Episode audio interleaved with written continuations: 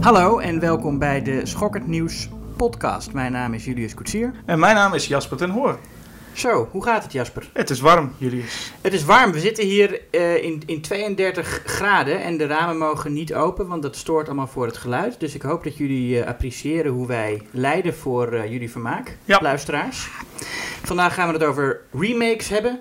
en, en of reboots. En dat doen we niet alleen, want we hebben ook een gast en dat is Liewe van Albada. Hallo. Hallo Liewe. Leuk dat ik weer mag zijn. Ja. Hoe warm Nou, heb jij het, Liewe? Heel warm. Oké, goed. Ik ben een beetje aan het smelten. Ja, het is echt. eh, nou ja, maar dat hebben jullie natuurlijk zelf ook allemaal wel meegemaakt. eh, want we, we, we nemen het op een paar dagen voordat het eh, online gaat. Ja, met die hittegolf, hè? Voor jullie Ja. zit het allemaal in het verleden, beste luisteraars. Ja, maar goed, ja, we, zijn ook allemaal een beetje, een beetje lui van de hitte. We zijn niet echt van, eh, kom, we gaan erover praten. Maar laten we er gewoon over gaan praten. Jasper, wat heb jij als laatst gezien? Ja, maar dat doen we eerst, hè? Dat doen we eerst. Eerst even het rondje. Dan, eh, De eh, rest. dan de rest. Ja, we gaan ook nog vooruitblikken. En er komt nog een leuke column van Hedwig van Driel. Die is weer terug. Ja. Dus eh, hartstikke leuk. Maar eerst het rondje. Wat heb je gezien? Wat hebben we gezien? Nou, ik heb een, een reeks aan teleurstellingen eh, gezien de laatste tijd. Dus daar wil ik eigenlijk even kort over, overheen walsen. Want daar moet je nooit te veel aandacht aan geven. Eh, Dark Phoenix, iemand van jullie die gezien? Nee. Nee, Oké, nou, dat was, was, niet, eh, was niet best. De, de, de, het flopte ook enorm, die film. Maar het was ook echt niet best. En ik ben best een X-Men liefhebber. En ik dacht, nou, Apocalypse, dat kan niet erger. Het kon erger. En eh, volgens mij is dit echt de dood. Sowieso, de, de, de X-Men franchise is nu weg bij Fox. En dat is een goede zaak volgens mij. Want dit was echt, eh, het is alleen jammer. Want je, je hebt wel personages van je denkt, oh, dat zijn wel leuke personages. Goede acteurs ook. Van Michael Fassbender en James McAvoy. En dat het dan een beetje zo doodbloed is eh, best zonde. Ja? Iedereen zou volgens mij graag een Hugh Jackman zijn die met Logan afscheid neemt. In plaats van met Dark Ja. Phoenix die iedereen na een week al wel weer vergeten is, geloof ik.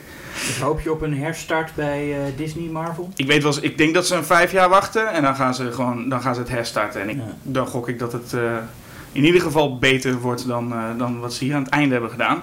Toen ben ik in, in Godzilla weer getrapt. Ik ben er voor een tweede keer ingetrapt. Want ik wilde niet eigenlijk heen, omdat ik dacht Godzilla is, vond ik een, een, een vrij flutfilm. En ze wisten met de tweede film het nog erger te maken. Ja, hij is Ja? wel anders, toch? Hij is anders, maar hij is nog wel erger. ik vond hem niet erger. Nee? Ik, Ik vond de eerste wel beter, moet ik zeggen. Ja. ja nou goed, maar in de eerste was het zo, er was de, de klacht van heel veel mensen dat je dat, dat, je dat beest niet genoeg zag. En nu zeggen de hele tijd. Maar Ja, je zag de hem- als, ik, ik, ze gingen op een gegeven moment uiteraard vechten. Maar hoe, ze, hoe, hoe die personen eh, actiescènes tussen twee grote monsters filmen. Ik denk echt, dit is, je zag de poriën van, eh, van de monsters vooral heen en weer gaan. Je zag verder niks. En toen heb ik nog even een stukje... Toen ik terug was, heb ik even een stukje Skull Island, eh, Kong Skull Island Ja. opgezocht. En dacht ik, oh, zo deed je dat inderdaad. Want ik snap niet hoe ze... Hoe ze het was zo'n vermoeiende klote film, die Godzilla eh, 2. Ik vond hem ook inderdaad vermoeiend. Ik moet wel zeggen, die gevechtscènes, ik vond wel aardig hoe ze eh, telkens een soort menselijk perspectief kozen. Dat je als er mensen op de grond waren en twee, men, eh, twee monsters waren aan het vechten, dan zag je het ook echt vanaf de grond. En in helikopterscènes zag je dan vanuit, eh, zeg maar, zo- zoals je het zou kunnen zien vanuit een helikopter. Ja. Maar het was wel met, met als een mens heel erg hard met zijn ogen knippert, dan dat, dat point of view. Ja, nee, het was wel allemaal veel te donker en te nat allemaal. Eh, Wat op zich een goede manier is om, om slechte CGI-effecten te verbergen. Dus misschien is dat eh, een van de redenen dat ze de hele tijd het is s'nachts in tijdens de regen. Ja, Ja. het was wel donker inderdaad. Maar ik, ja, ik vond het eigenlijk best wel een leuke film. Het is inderdaad, het was, ja, het was echt zo'n film waarvan de makers hebben gedacht van de publiek mag zich absoluut geen seconde vervelen. Dus er moet de hele tijd iets gebeuren. Dus het was inderdaad wel vermoeiend. Nauwelijks rustpauzes en van ene actiescène eh sluikel je door naar de andere. Maar ja, uiteindelijk, ja, grote monsters met elkaar vechten. Ik vond de actiescènes er best wel tof uitzien. Het was af en toe inderdaad een beetje te donker. Maar ja, ik vond het visueel over het algemeen ja, best goed te pruimen. En Ja, ik heb me eigenlijk best wel prima vermaakt met die film. Het is absoluut geen, geen topper of zo, maar Ik heb ja, ook wel een beetje vermaakt hoor. Ja, ik hoor Ja. dus bij, die, bij ook die mensen die, als ik hoor dat grote monsters gaan vechten, dan ben ik wel aan boord. Dus het is niet dat ik daar tegen ben. Maar wat je zegt, het, het, het was, eh, mensen mogen zich niet vervelen. Op een of andere manier, wat men dan altijd doet, zorgt ervoor dat ik me heel erg verveel. ja. Dat is toch, dus ik snap, dat, ik snap wat ze proberen. Maar het is een beetje als je sleutels, een postje sleutels voor een baby bungelt. Om te denken, nou dan kijkt hij daarna en dan verveelt hij zich niet. Maar ik verveelde me daardoor juist wel. Ehm, maar goed, ik, ik kan wel weer zeggen, ik ga waarschijnlijk voor, mijn, voor een derde keer. Ik weet niet of Kong versus Godzilla snel nu gaat gebeuren. Maar ik denk dat ik dan weer heen ga. En misschien dat ik dan weer op dezelfde manier hier, uh, hier, ja, het is volgens mij wel iets uitgesteld, omdat volgens mij deze nieuwe Godzilla ook niet heel... Het doet het niet heel goed, hè? Wel ja, beter dan Dark Phoenix, maar nog steeds enigszins teleurstellend. Dus volgens mij maken ze zich ook een beetje zorgen en gaan ze weer resho- reshoots doen en weet ik veel wat voor die Godzilla vs. King. En het, stomme is dat die studio die leert maar niet. Die willen, ze willen denken, ik, ik denk dat het is dat ze heel graag willen luisteren naar de fans. En de fans roepen, wij willen gewoon alleen maar Godzilla zien vechten met andere monsters. En de studio's geloven dat. Maar dat is natuurlijk helemaal niet zo. De- als je een film zou maken die alleen maar vechten is tussen twee monsters, dan zou iedereen die roept dat dat is wat hij wil zien, zich ook kapot vervelen. Dat is niet wat je wil zien. Klopt. Maar Uiteindelijk wil je gewoon een verhaal met een menselijk personage. Dat is ook de reden dat de Marvel-franchise het, het wel eh, goed is gaan doen als eh, Extended Universe. Niet dat die actiescènes zo goed zijn, maar gewoon dat daar leuke personages in zitten. Nou, volgens mij was het hoofdkritiek op Godzilla. Twee dingen waren dat. En te weinig Godzilla. Maar ook dat die, dat die, dat die, eh, die gast die er rondliep, de, het hoofdpersonage, dat was een, een kartonnen flutfiguur. Ja. Dat werd wel overal gezegd. Dat- en dat daar hebben ze ja, nu opgelost door te zeggen van, nou, we hebben hier niet één flutfiguur, maar we hebben een heel gezin en dan nog wat mensen. Ja, Dus ik ja. moet zeggen, ik vond dat kleine meisje die een soort eh, E.T.-relatie lijkt te gaan krijgen met een paar van die monsters, weet je wel. Dat, eh, zij uit Stranger Things, ik weet even niet hoe ze heet. Ik weet niet. Eh, ik denk dat zij wel een, een, uiteindelijk een aardige drager van de reeks kan gaan worden als ze haar terug laten komen in vervolgdelen. En iets meer met dat personage doen Ja. wel, denk ik. Ja. Maar ehm, ik wilde nog even alleen benoemen. Het is niet heel schokkend nieuws, geloof ik. Maar iedereen heeft het er nu over. En ik ben ook een enorm fan. Eh Chernobyl, de serie. Ik weet niet of jullie ja, eh, Ik heb het niet gezien. Ik heb ook nog niet gezien. Nee. Oké, nou ja, het is, i- i- iedereen heeft het er nu over. Het wordt ook steeds aangekaart als eh, zulke hoge waarderingen en beste ooit. Nou, dat, dat laat ik even terzijde. Maar het is oprecht, vind ik het een van de beste dingen die ik ooit misschien heb gezien. Het was Oh. echt fascinerend. Ja. En het is weliswaar misschien niet heel erg schokkend nieuws. Tegelijkertijd is het ongeveer een van de engste en schokkendste dingen die ik in ieder geval ook heb gezien. De manier waarop het aangepakt is, de sfeer, de muziek.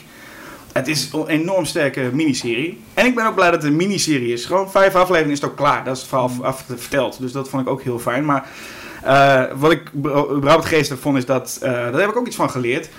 Eh, Greg Mason is voor de man achter de serie.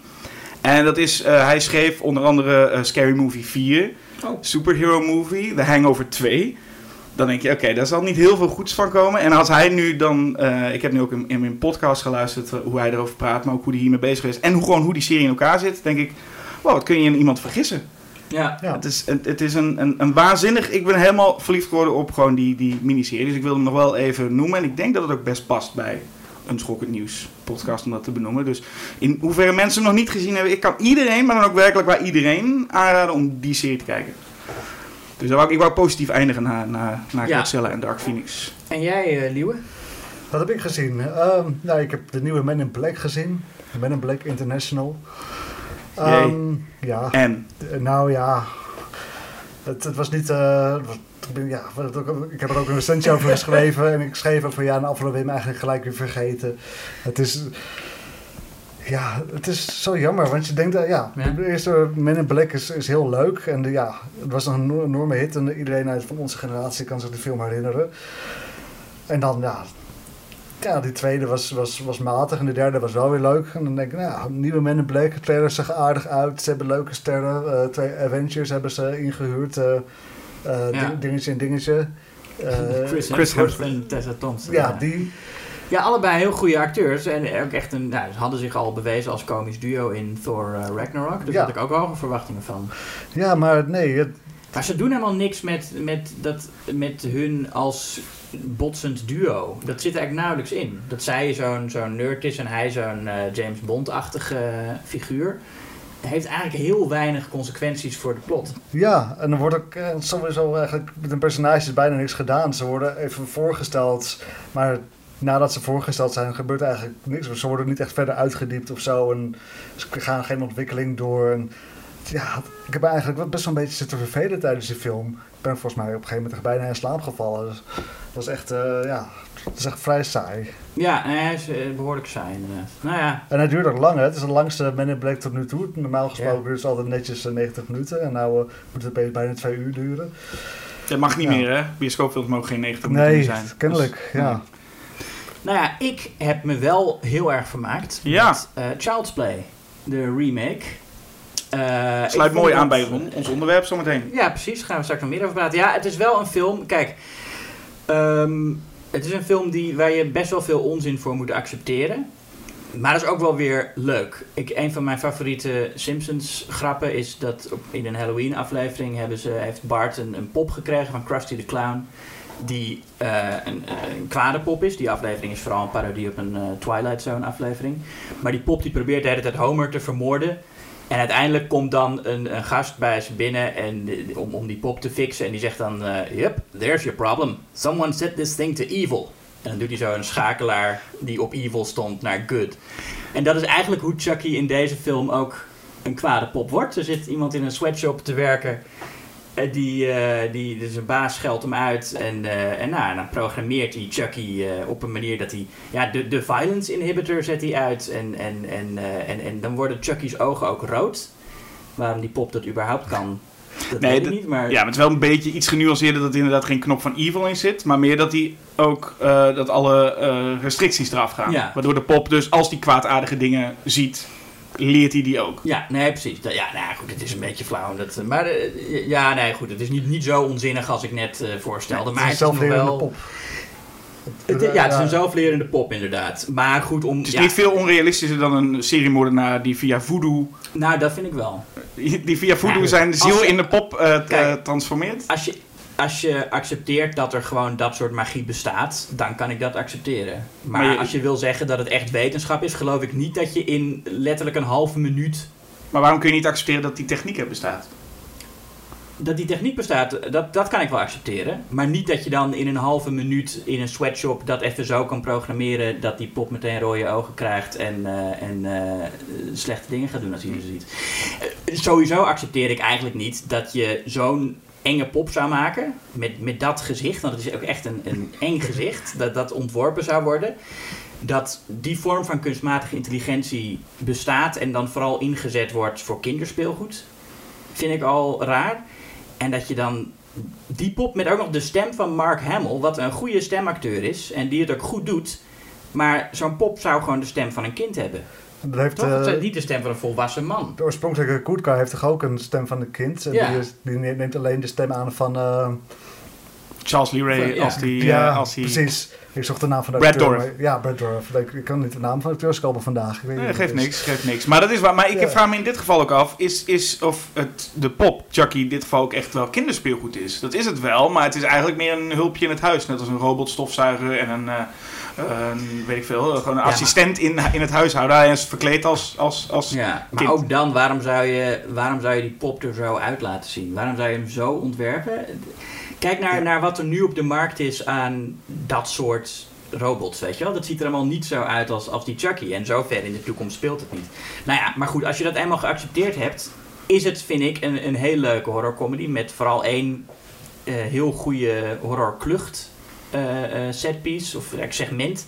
Het is een beetje in het midden van de film zitten. Het zit denk ik een kwartier tot twintig minuten. eh, waarvan ik dacht, dit is echt wat ik wil zien in een Child's Play remake. Het is heel goed uitgewerkt. Het is heel grappig. Het is ook heel gruwelijk. Ehm, ze gaan echt verder dan verwacht. Ja? Eh, en ik ben, ja, ik ben ook best wel jaloers op, op, op de tienerkinderen die dit gaan zien. Want dat is natuurlijk wel waar die film vooral op, op gericht is. Op de, zeg maar, het, het net iets te jonge tienerpubliek. Ja, maar het viel, Dat, mij, eh, het viel mij inderdaad op hoe grappig de film eigenlijk is. Want ik had verwacht, na Bride of Chucky, Seed of Chucky, oh, dan gaan we weer even terug naar... eh, en zelfs Cult of Chucky, de laatste, had Ja. best wel veel humor. Ik dacht, nou oké, voor een remake gaan ze vaak terug naar een, een, een gritty remake. Even weer terug, Ja. we gaan hem weer eng maken. En dat doen ze hier absoluut niet. Nee. Eigenlijk, de, de, de film is amper eng. Is, Nou, hij, hij probeert wel eng te zijn. Er zijn momenten dat Chucky even dreigend moet zijn als hij in een hoek staat met rode ogen. Maar die werken voor mij niet. Dat Nee. vond ik dan weer minder. hij, is, hij, is vooral, hij is vooral heel komisch. Je zegt het goed, het is bijna meer een horrorcomedy. Maar ik vond het een hele goede, leuke update vooral. Ja. Ik ben heel blij verrast door alle positieve recensies. Want van tevoren had ik eigenlijk niet eh, al te hoge verwachtingen van. En ik dacht, ja, een robot, stom. En eh, ik vind het gewoon veel leuker als inderdaad de voodoo... eh, met een van de occult onzin verhaaltje, de geest van de moordenaar. Dat past toch veel beter bij een, eh, bij een horrorfilm. Ik dacht, nou, stom, maar goed. ja, jij bent positief en eigenlijk overal waar ik recensies lees of, of koppen lees, ja, lees, lees ik Jij leest positiviteit. de koppen. Ja, ik heb de film nog niet gezien, dus ik, ik, ik Ah, lees dan jouw recensie lees je natuurlijk wel. Maar eh, uiteraard. En eh, voor de rest dus ken ik ze een beetje door. Maar ik ga hem eerst even zelf zien eh, aankomend weekend, hoop ik. Maar ja, ik ben van matig geïnteresseerd naar ja, best wel enthousiast om het te gaan zien geworden. Dus Kan ik, kan ik me goed voorstellen. het enige wat even is misschien een li nou, lichte spoiler, maar weet je, het is wel frustrerend voor horrorfans die weten hoe de Texas Chainsaw Massacre 2 in elkaar zit.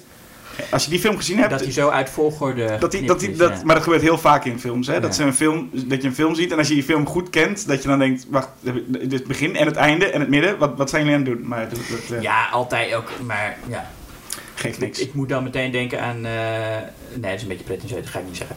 Eh, nee, doe maar. Waarom zou je nu stoppen? Ik, ik zag laatst Mission Impossible 5 weer. oh, heel En- pretentieus. En dan, Ja. gaat, nee, nee, maar dan gaat hij naar de opera en dan stuurt dan Dot. En die begint dan met, met een aria die na de pauze pas is. Maar dat, het is heel raar, helemaal, geen... geen eh, eh, eh, nou ja, dat maakt niet uit. Het is precies wat ik bedoelde, jullie, is met Texas Chainsaw Massacre 2. Ja. Ja. Nee, klopt. Ook, ook bij Texas Chainsaw Massacre 2 zag ik meteen dat het... eh, maar die, die kinderen zitten dan die film te kijken en je ziet ook alleen maar de gruwelijke momenten. Alsof Ja. die hele film een soort aaneenschakeling is van... van Oh ja, maar ze kraken de Texas, de Texas Chainsaw Massacre 2 worden eh, afgekraakt in de film. Nee, die kinderen moeten lachen om die film. Dat is een gekke film, man. Ja, volgens mij vinden ze het maar- ook wel te gek. Ja, ze vinden het ook te gek en ze lachen erom. Het is eigenlijk een, een, een idee dat, dat, dat door, die, door dat geweld Chucky ook dat leert. Ah. Dus eigenlijk leert Chucky in de- deze nieuwe versie eigenlijk van Leatherface. Of aan Dennis Hopper, want die gaat ook flink te keren. Ja, die zit er volgens mij niet eens in. Heb ik in die Ja. fragment, in de fragmenten Oh, in de ieder geval die voorbij. Oh, komen. Maar Goed, goed, maar we dwalen af. we, we dwalen af, maakt niet uit. Eh, maar ik zou inderdaad ook zeggen, ga, ga die kijken, want ik vond hem erg leuk. En ik had ook niet hele hoge verwachtingen van Child's Play remake. Maar eh, we hebben het nu over remakes, dus laten we het eh, blijven hebben over remakes. What can you possibly say or do to, to, to top something like that? We can't top it, John, but we must make people more aware. A remake. That's exactly what I was thinking. Maybe we can work it out together. Good night, Andy. Ja, en eh naar Child's Play is dan wel een aardig bruggetje naar het thema. Remakes en slash of reboots. En ik vroeg me dan dus af, eh, Child's Play is sowieso een remake. Maar is het ook een reboot? Want het is volgens mij de eerste keer, misschien ook wel niet, maar voor zover ik weet wel, dat er een nog lopende filmreeks is, waarvan ook al een, een vervolg aangekondigd is. En dat er dan nog een remake van de eerste is. Ja. Wat het eigenlijk dus niet echt een reboot maakt, want bij een reboot, ja, het woord zegt het al, reboot je de franchise. Dus dat is, het komt natuurlijk uit de, uit de wereld van eh, je computer rebooten, dan zijn al je files weg. Dus een reboot is dat als je een, een lopende reeks hebt en dat je dan die stopzet en weer vanaf het begin af aan doorgaat. Ja. Dus is Child's Play een reboot? De vraag is eigenlijk heel vaak of een remake ook een reboot is. Wat is nou Ja. precies het verschil dan tussen een remake en een reboot? Nou ja, dat, dat staat dus hier ter Ja, discussie. De eerste film die volgens mij een beetje een reboot genoemd werd, was eh, eh, Casino Royale.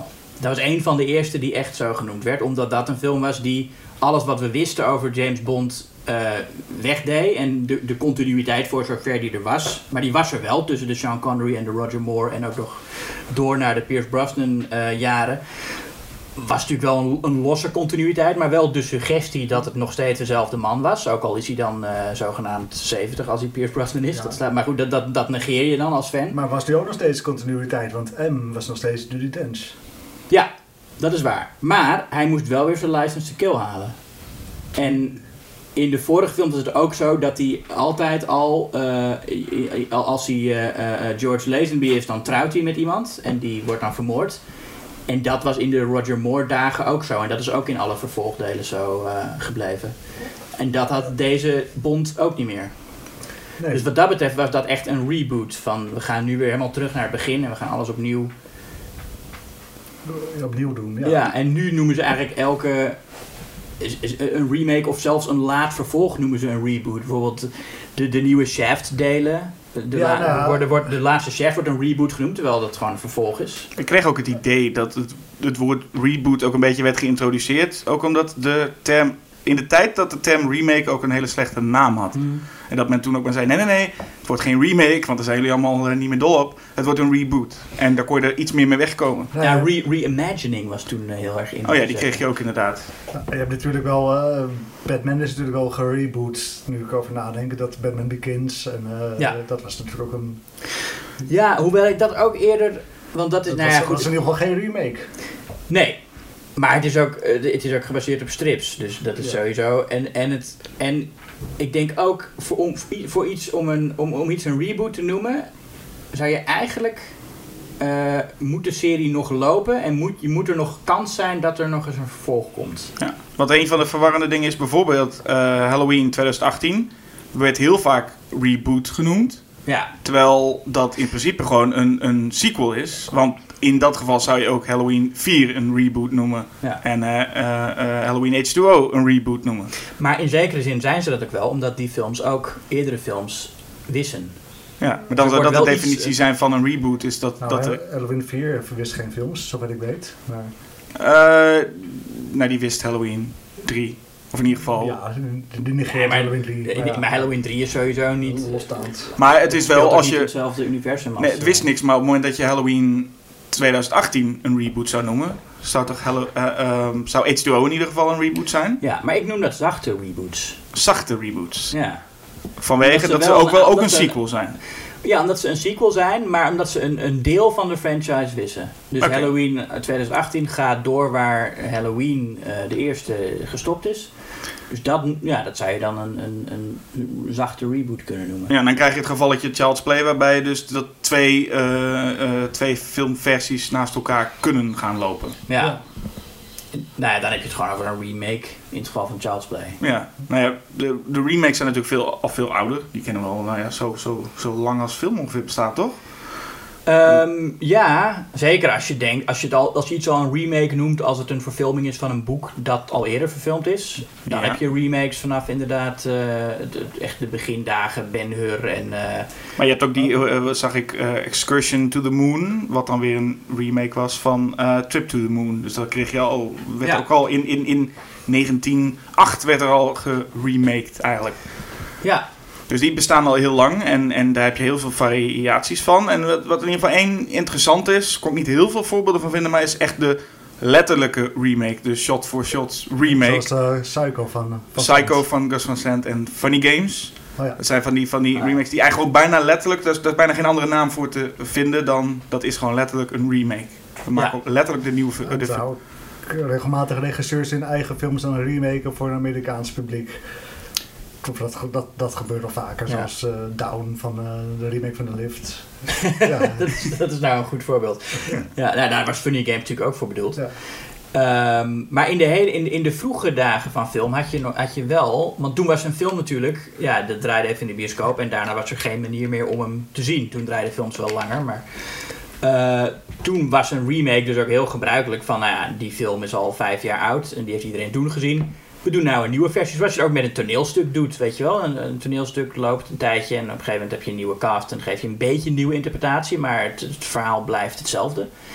Zo werden bijvoorbeeld een aantal Moby Dick films gemaakt die eh, ook gewoon het- hetzelfde script hadden, min of meer. En, ook, en soms ook dezelfde acteurs. Mhm. En dan hadden ze Moby Dick een, eh, een, een, een happy end gegeven. Dat Ahab erin slaagt die walvis eh, te vangen. Oh ja. Ehm, dus dat zijn een beetje de, de, de vroege remakes. Maar dat was, dat was dus niet het idee van we gaan een eerbetoon aan die film bewijzen. Het was meer, die film, ja, die is er niet meer. Dus we maken een nieuwe versie. Ja, en dat is een beetje dus, dus met, met eh, home media, dus eh, de, de, de, dat we de films gewoon zo vaak konden zien als we wilden. eh, is, dat, is dat in ieder geval verdwenen? Ja, hoewel Cabin Fever wat dat betreft een rare uitzondering is. De remake van Cabin Fever, een film... Nou, de oorspronkelijke versie was, hoe oud? Eh, 2008 of zo? 2009, 2004 of zo, maar dat was, was in in ieder geval niet oud. Nee. Ik heb ook Nee. 2004 of zo in mijn hoofd. Ja, hè. en, dan in 2016 een remake die ook niet echt iets anders doet. Nee, ik bedoel, er zijn een paar, de, de meest politiek incorrecte grappen zijn eruit.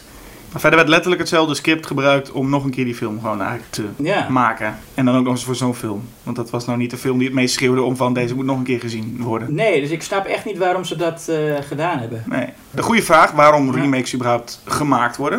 Nou, een van de belangrijkste redenen is volgens mij, hoe, hoe, hoe cynisch ook maar is, geld. Hm. Logisch dat men eh, geen spookhuisfilm gaat maken anno 2015, maar gewoon zegt, weet je wat, we maken Poltergeist. Ja. En dat is echt een, een, een, als ik er goed over nadenk, en dat is wat je ook heel snel krijgt. Dus ik aan al heel veel remakes denk, denk je al heel snel aan dat je die films ook heel snel vergeten bent.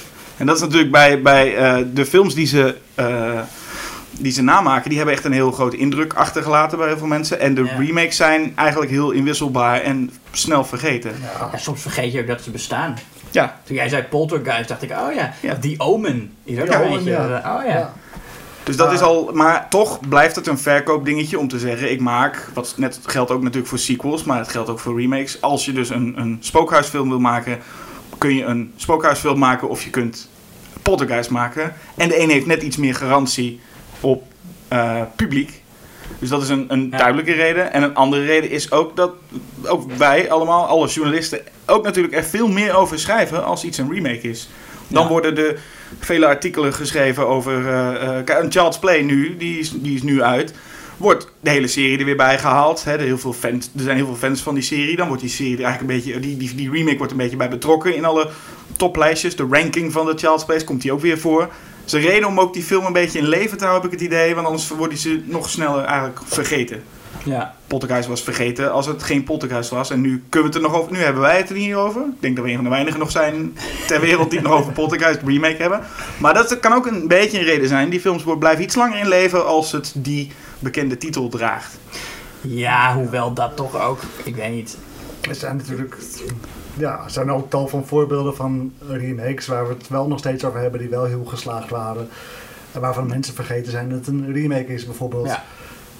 Een bekend voorbeeld is natuurlijk eh, The Thing van John Carpenter, eh, The Fly van Cronenberg. eh, Ja. Waarbij The Thing wel weer interessant is, wat jij net aangaf. Is, is, is The Thing een remake van Thing from Another World? Of is The Thing, wat John Carpenter ook altijd zegt, gewoon een nieuwe eh, verfilming van dat korte verhaal? En is Ja. het dan nog wel een remake?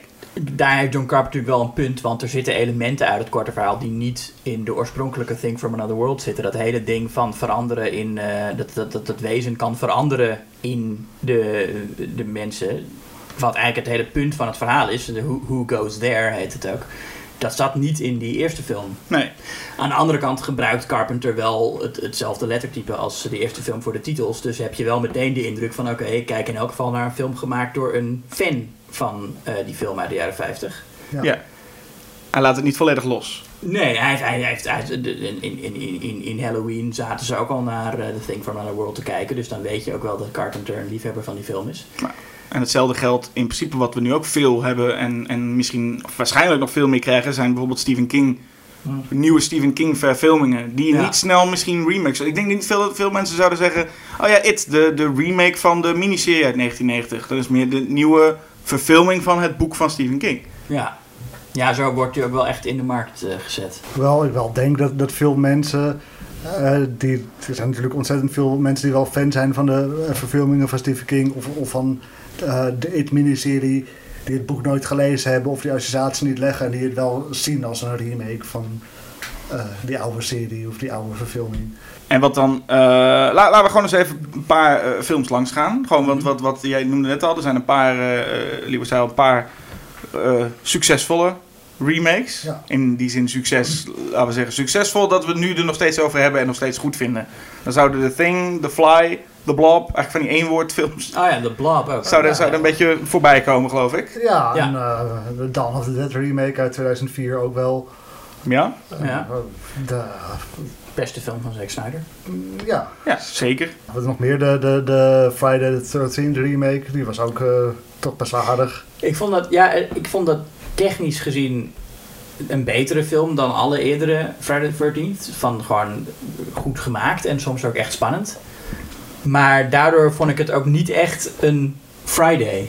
Weet je wel, de, de, de charme van die knullige oude Friday the 13th, die, ja, die had die film niet omdat hij gewoon het eh, wat, wat serieuzer nam en, en gewoon goed gemaakt was. En ik wil maar niet dat een Friday the 13th goed gemaakt is. Ik wil gewoon... Dat zou nu ook niet meer gebeuren, heb ik het gevoel. Dat was echt voor die tijd. Want ik heb nu het idee, als men nu weer een Friday the 13th, als die rechten ooit, als dat probleem ooit opgelost wordt, wordt het volgens mij nu weer campy terug naar jaren 80, jaren 80 gevoel heel erg terughalen en het wat campier maken. Ja, maar ik denk wel dat hij dan ook heel zelfbewust wordt. En dat vind ik, vind ik denk nog erger vinden misschien wel dat het zo'n film wordt die dan gaat verwijzen naar... eh, maar dat zegt hier ook allemaal- iemand die niet van Jason Lives houdt. Ja. Dus dat, eh, dat, ik weet niet hoe serieus die moet nemen, maar eh, akkoord. Nee, dat klopt. Maar het was wel in die tijd, en dat begon, mijn gevoel, een klein beetje met, met eh, de Texas Chainsaw Massacre. De, Ja. Het succes van die film Ja. lijkt me een beetje de, nou ja, vooral voor Platinum Dunes, maar überhaupt de, de remakes van horrorfilms werden ineens eh, een succes. Ja, die regisseur heeft toen ook nog eh, Friday mogen maken. Die heeft Friday mogen maken.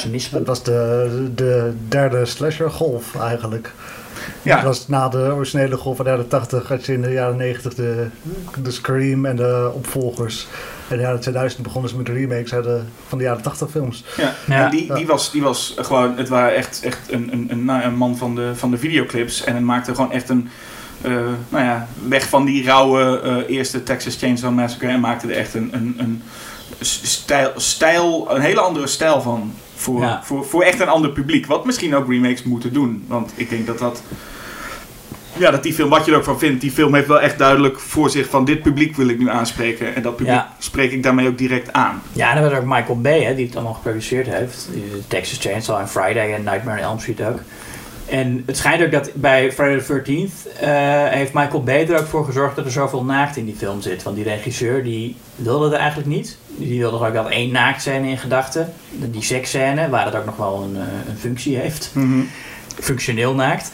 Eh, maar dat dan ook nog dat meisje gaat waterskiën topless. Dat was allemaal omdat Michael Bay gewoon gezegd had dat er eh, meer eh, tieten in moesten. Wat geeft, ik heb juist is het ook- tegenovergestelde gehoord. Ik heb Oh. letterlijk gehoord dat Michael Bay de bioscoop uitkwam en zei deze film is veel te veel naakt en veel te gory. Dus dat Michael Bay juist teleurgesteld was. Heb ik in, dat verhaal heb ik dan weer gehoord. Oh, dan hebben we conflicterende verhalen Ja, gehoord. dus, maar dat wou ik ook even gezegd hebben. Want ik, ik weet niet of het dan zo is. Maar ik, ik, ik voel, ik wil meer geloven dat Michael Bay degene is die zegt meer tieten. Nou ja, want er, er- er was zelfs een, een actrice gecast in die, voor die rol, voor mij in die openingsscène. Eh, of niet, niet de openingsscène, maar het, het eerste stuk, zeg maar, de, de eerste ronde tieners die afgeslacht worden, is een actrice eh, ontslagen omdat ze niet eh, naakt wilde. Toen heeft Marcus Nispel dat moeten vertellen. Nou ja, daar, heeft hij, daar heeft hij ook een interview over gedaan dat hij dat heel moeilijk vond om te zeggen. Ja.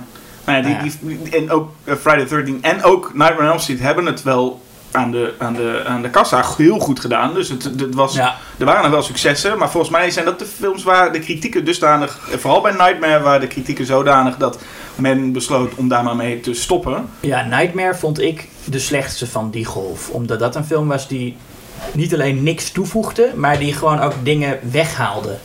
Die film was zoveel minder eh, creatief en vindingrijk dan de oorspronkelijke Nightmare on Elm Street.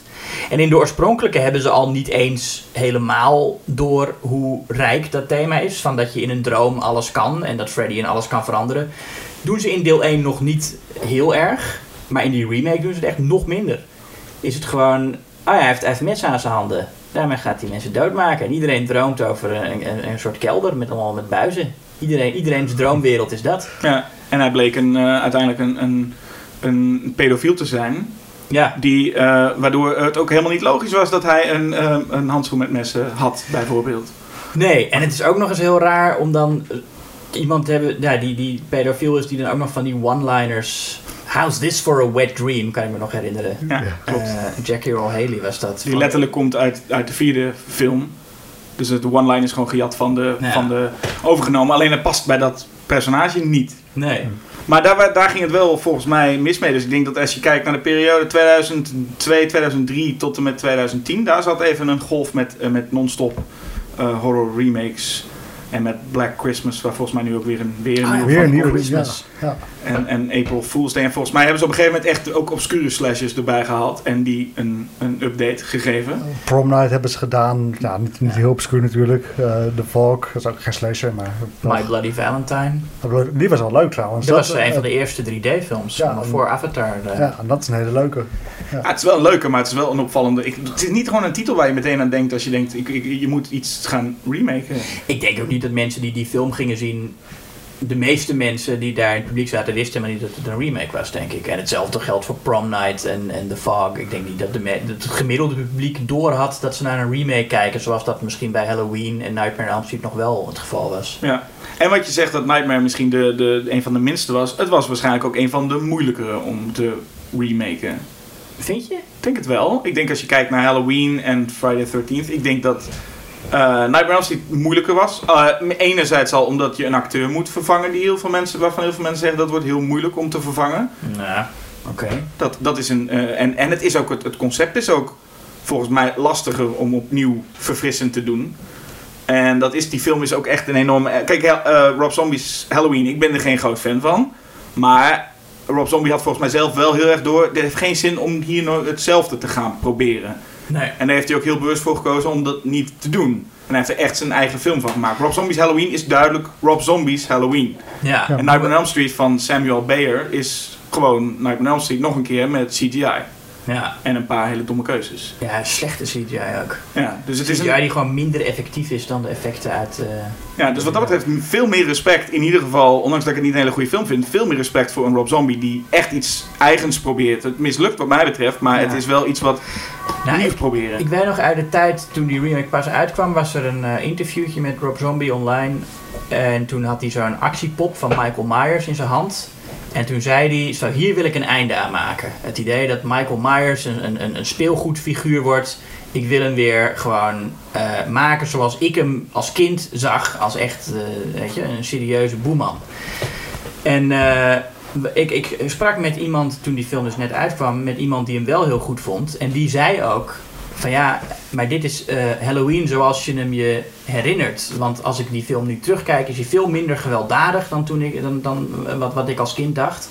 En veel minder hard. En dan is die remake, die brengt dan toch dat gevoel terug. En ik denk dat daar ook wel wat in zit als je het hebt over de laatste eh, zeg maar de, ja, de, de, de tweede helft van de film. Want in de eerste helft zie je die jeugd van Michael Myers en dat is allemaal onzin.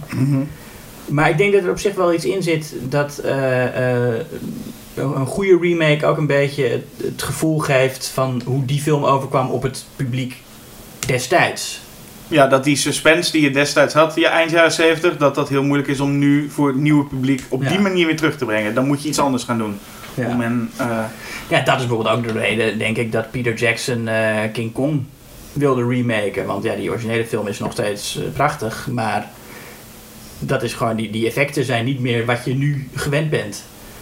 Ja, dat En als je ze nu vergelijkt, vind ik eh, Jackson's eh, versie veel gedateerder qua special effects dan het origineel. Want het is gewoon allemaal super duidelijk CGI.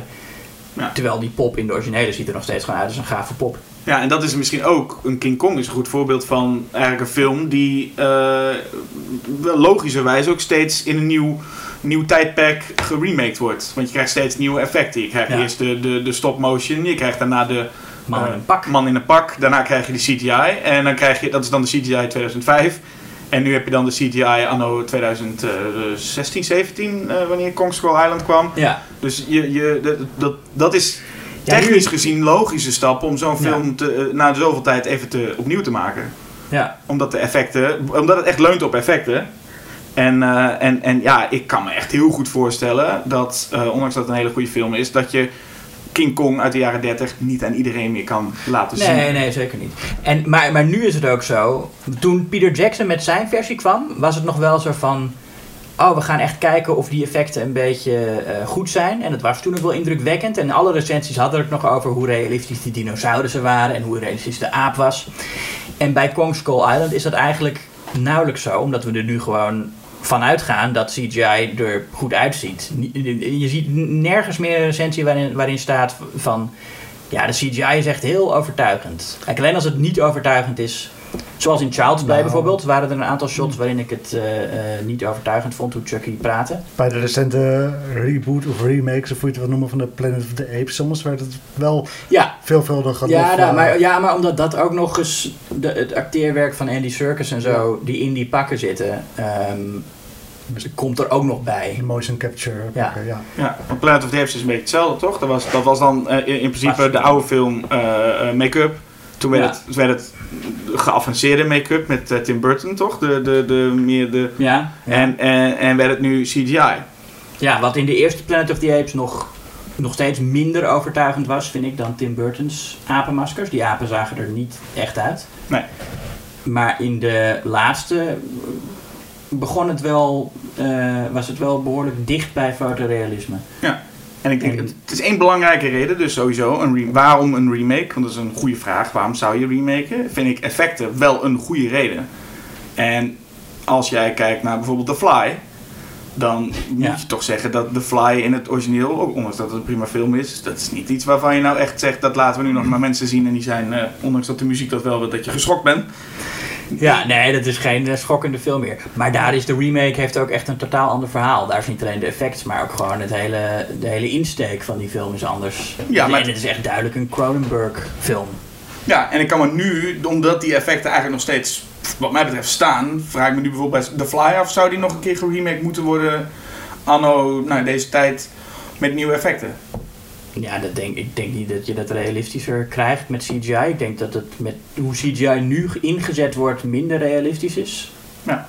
Heeft er ook mee te maken dat mensen CGI niet, niet zo goed meer inzetten. Als, ik bedoel, want in, eh, in, de, in de jaren... Je hebt films uit de jaren 90 met CG-effecten die nog steeds overtuigender zijn dan wat er nu is. En dat komt omdat mensen gewoon denken dat alles wel kan met CGI.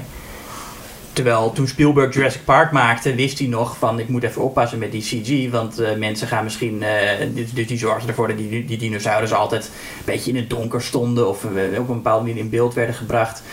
En nu denken regisseurs van oh, dat fixen ze wel. En, en, en, en, hoe gek je er kunt bedenken, alles moet maar gefixt worden. En die, maar mensen krijgen er ook veel minder tijd voor. Dus daarom denk ik dat CGI-effecten nu vaak minder goed zijn dan tien jaar geleden. En dat je dus, als je nu een remake zou maken van een oude film, omdat je de effecten beter wil, dat dat, nou ja, eh, zo, zoals in The Thing eigenlijk, eh, wat dan een prequel is, eh, officieel, maar ook gewoon eigenlijk een soort remake. Hetzelfde verhaal toch? En in principe is het, nee, het is wel echt een prequel. Het is, wel een prequel in die zin dat het zich afspeelt vlak voor. Het is eh, letterlijk het andere kant. Er gebeurt wel, weliswaar ja, hetzelfde. maar er gebeurt wel min of meer hetzelfde. er gebeurt min of meer Hij heeft hetzelfde. dezelfde titel, hij doet gewoon The Thing. Ja, hij heet ook gewoon The Thing, dat is ook Dat zoiets. is, Ja. dat is ook zoiets. Maar ja, dan is, dat is voor Halloween hetzelfde. Ja. Dus het, maar het is wel een film waarbij men, of eigenlijk de jaren 80 effecten wilde gebruiken. Ja, Ja. die zijn ook gemaakt nog. Er zijn gewoon eh, rubberen protheses en alles is gewoon gemaakt. Ja, er is een waarschijnlijk lelijke CGI overheen ja. gesmeerd. Omdat ook Ja. iemand van de, de, de, de, de, de, pro- de producenten, de studio, die film zag en zei: Ja, maar dit is, dit is heel erg jaren 80. Waarop de regisseur dan zei: Ja, goed toch? Ja, En hij zei: Nee, nee, dat, dat willen we niet. Ja. We willen CGI zien. En dat, of het publiek wil CGI zien. Wat misschien ergens wel klopt voor het jonge publiek. Maar ik vraag me ook heel erg af of het jonge publiek een prequel van The Thing wil zien. Maar het publiek wil, is meer gewend aan. eh, wij allemaal zijn wel gewoon gewend aan practical effects en vinden dat ook heel charmant. Maar als jij gewend bent aan CGI, vraag ik me af of je dan nog wel iets hebt met, eh, met de jaren 80. eh, eh, Nou ja, het is niet alleen charmant, het is ook gewoon realistischer. Ik Ja. bedoel, de, de, de weerwolf-transformatie in American Werewolf in London is gewoon veel realistischer dan die in Twilight. Ja, maar ik kan me wel voorstellen dat er een, een, een stuk gewenning meespeelt. Want ik, ik ken iemand die dan eh, de, de, de, gewoon de practical effects prima vindt. Maar een, een, een ongelofelijke hekel heeft aan stop-motion effecten. Omdat ja. die nog weer, dat is echt iets wat ook weer iets is, daar moet je aan wennen. Ja. Dat Ja, is iets wat je, daar moet je, dat moet je charmant vinden. Maar er is niemand die zegt, dat is een hele goede manier om het te doen. Nou ja, niemand die zegt dat het heel realistisch is. Nee. Nee. Maar goed, bij Ray Harryhausen zei ook dat het niet realistisch moest zijn. Dat het dreigender is als het minder realistisch is. Dat het dan meer uit een andere wereld lijkt te komen. Ja, en dat was voor die tijd. Maar goed, als jij dus niet gewend bent aan stop-motion en je laat dan die mensen... En daar gaat het vooral om. Remakes gaan vooral over dat nieuwe publiek. Hmm. En als je een nieuw publiek een Ray Harryhausen film voorzet... en die hebben niet dat gevoel van, oh wat charmant van vroeger, dan Ja, zoals, dat, zoals Clash of the Titans eh, remake. ja, Ja. dan werkt het dus niet. En wij kijken naar zo'n remake en denken van, ja, dit, heeft niks, dit is niet charmant. We willen gewoon dat Ray ik denk Harryhausen... wel nog steeds dat het een, een, een nieuw publiek in staat is om te zien dat eh, practical effects er realistischer uitzien dan CGI. Want je ziet er wel, CGI zit er bijna altijd, ja, op uitzonderingen na natuurlijk, eh, ja, opgeplakt en opgetekend en ja, afwijkend. En je ziet gewoon gelijk waar dat CGI in ieder geval... Eh, er zijn natuurlijk heel veel CGI's waarvan je niet weet, waarvan je niet goed ziet. Maar grote ruimteschippen in de lucht zie je meestal altijd gelijk dat het CGI is. Ja, zeker nu. eh, he- helikopters, zo zie je het ook. eh, dat was in, in, in, eh, bij eh, Godzilla King of the Monsters. Vond ik ook al die helikopters.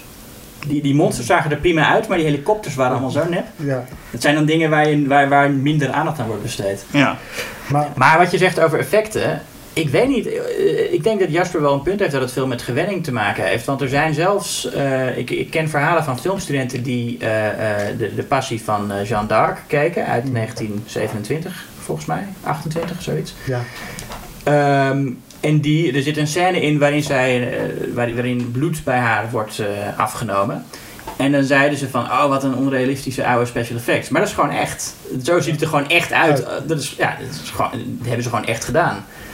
Dus ik denk dat er wel iets is van dat je gewoon went aan bepaalde effecten als je alleen maar films uit je eigen decennium kijkt. Ja, ik denk dat het zeker waar is. Maar goed, ik denk dat je het wel ook weer kan eh, ontwennen.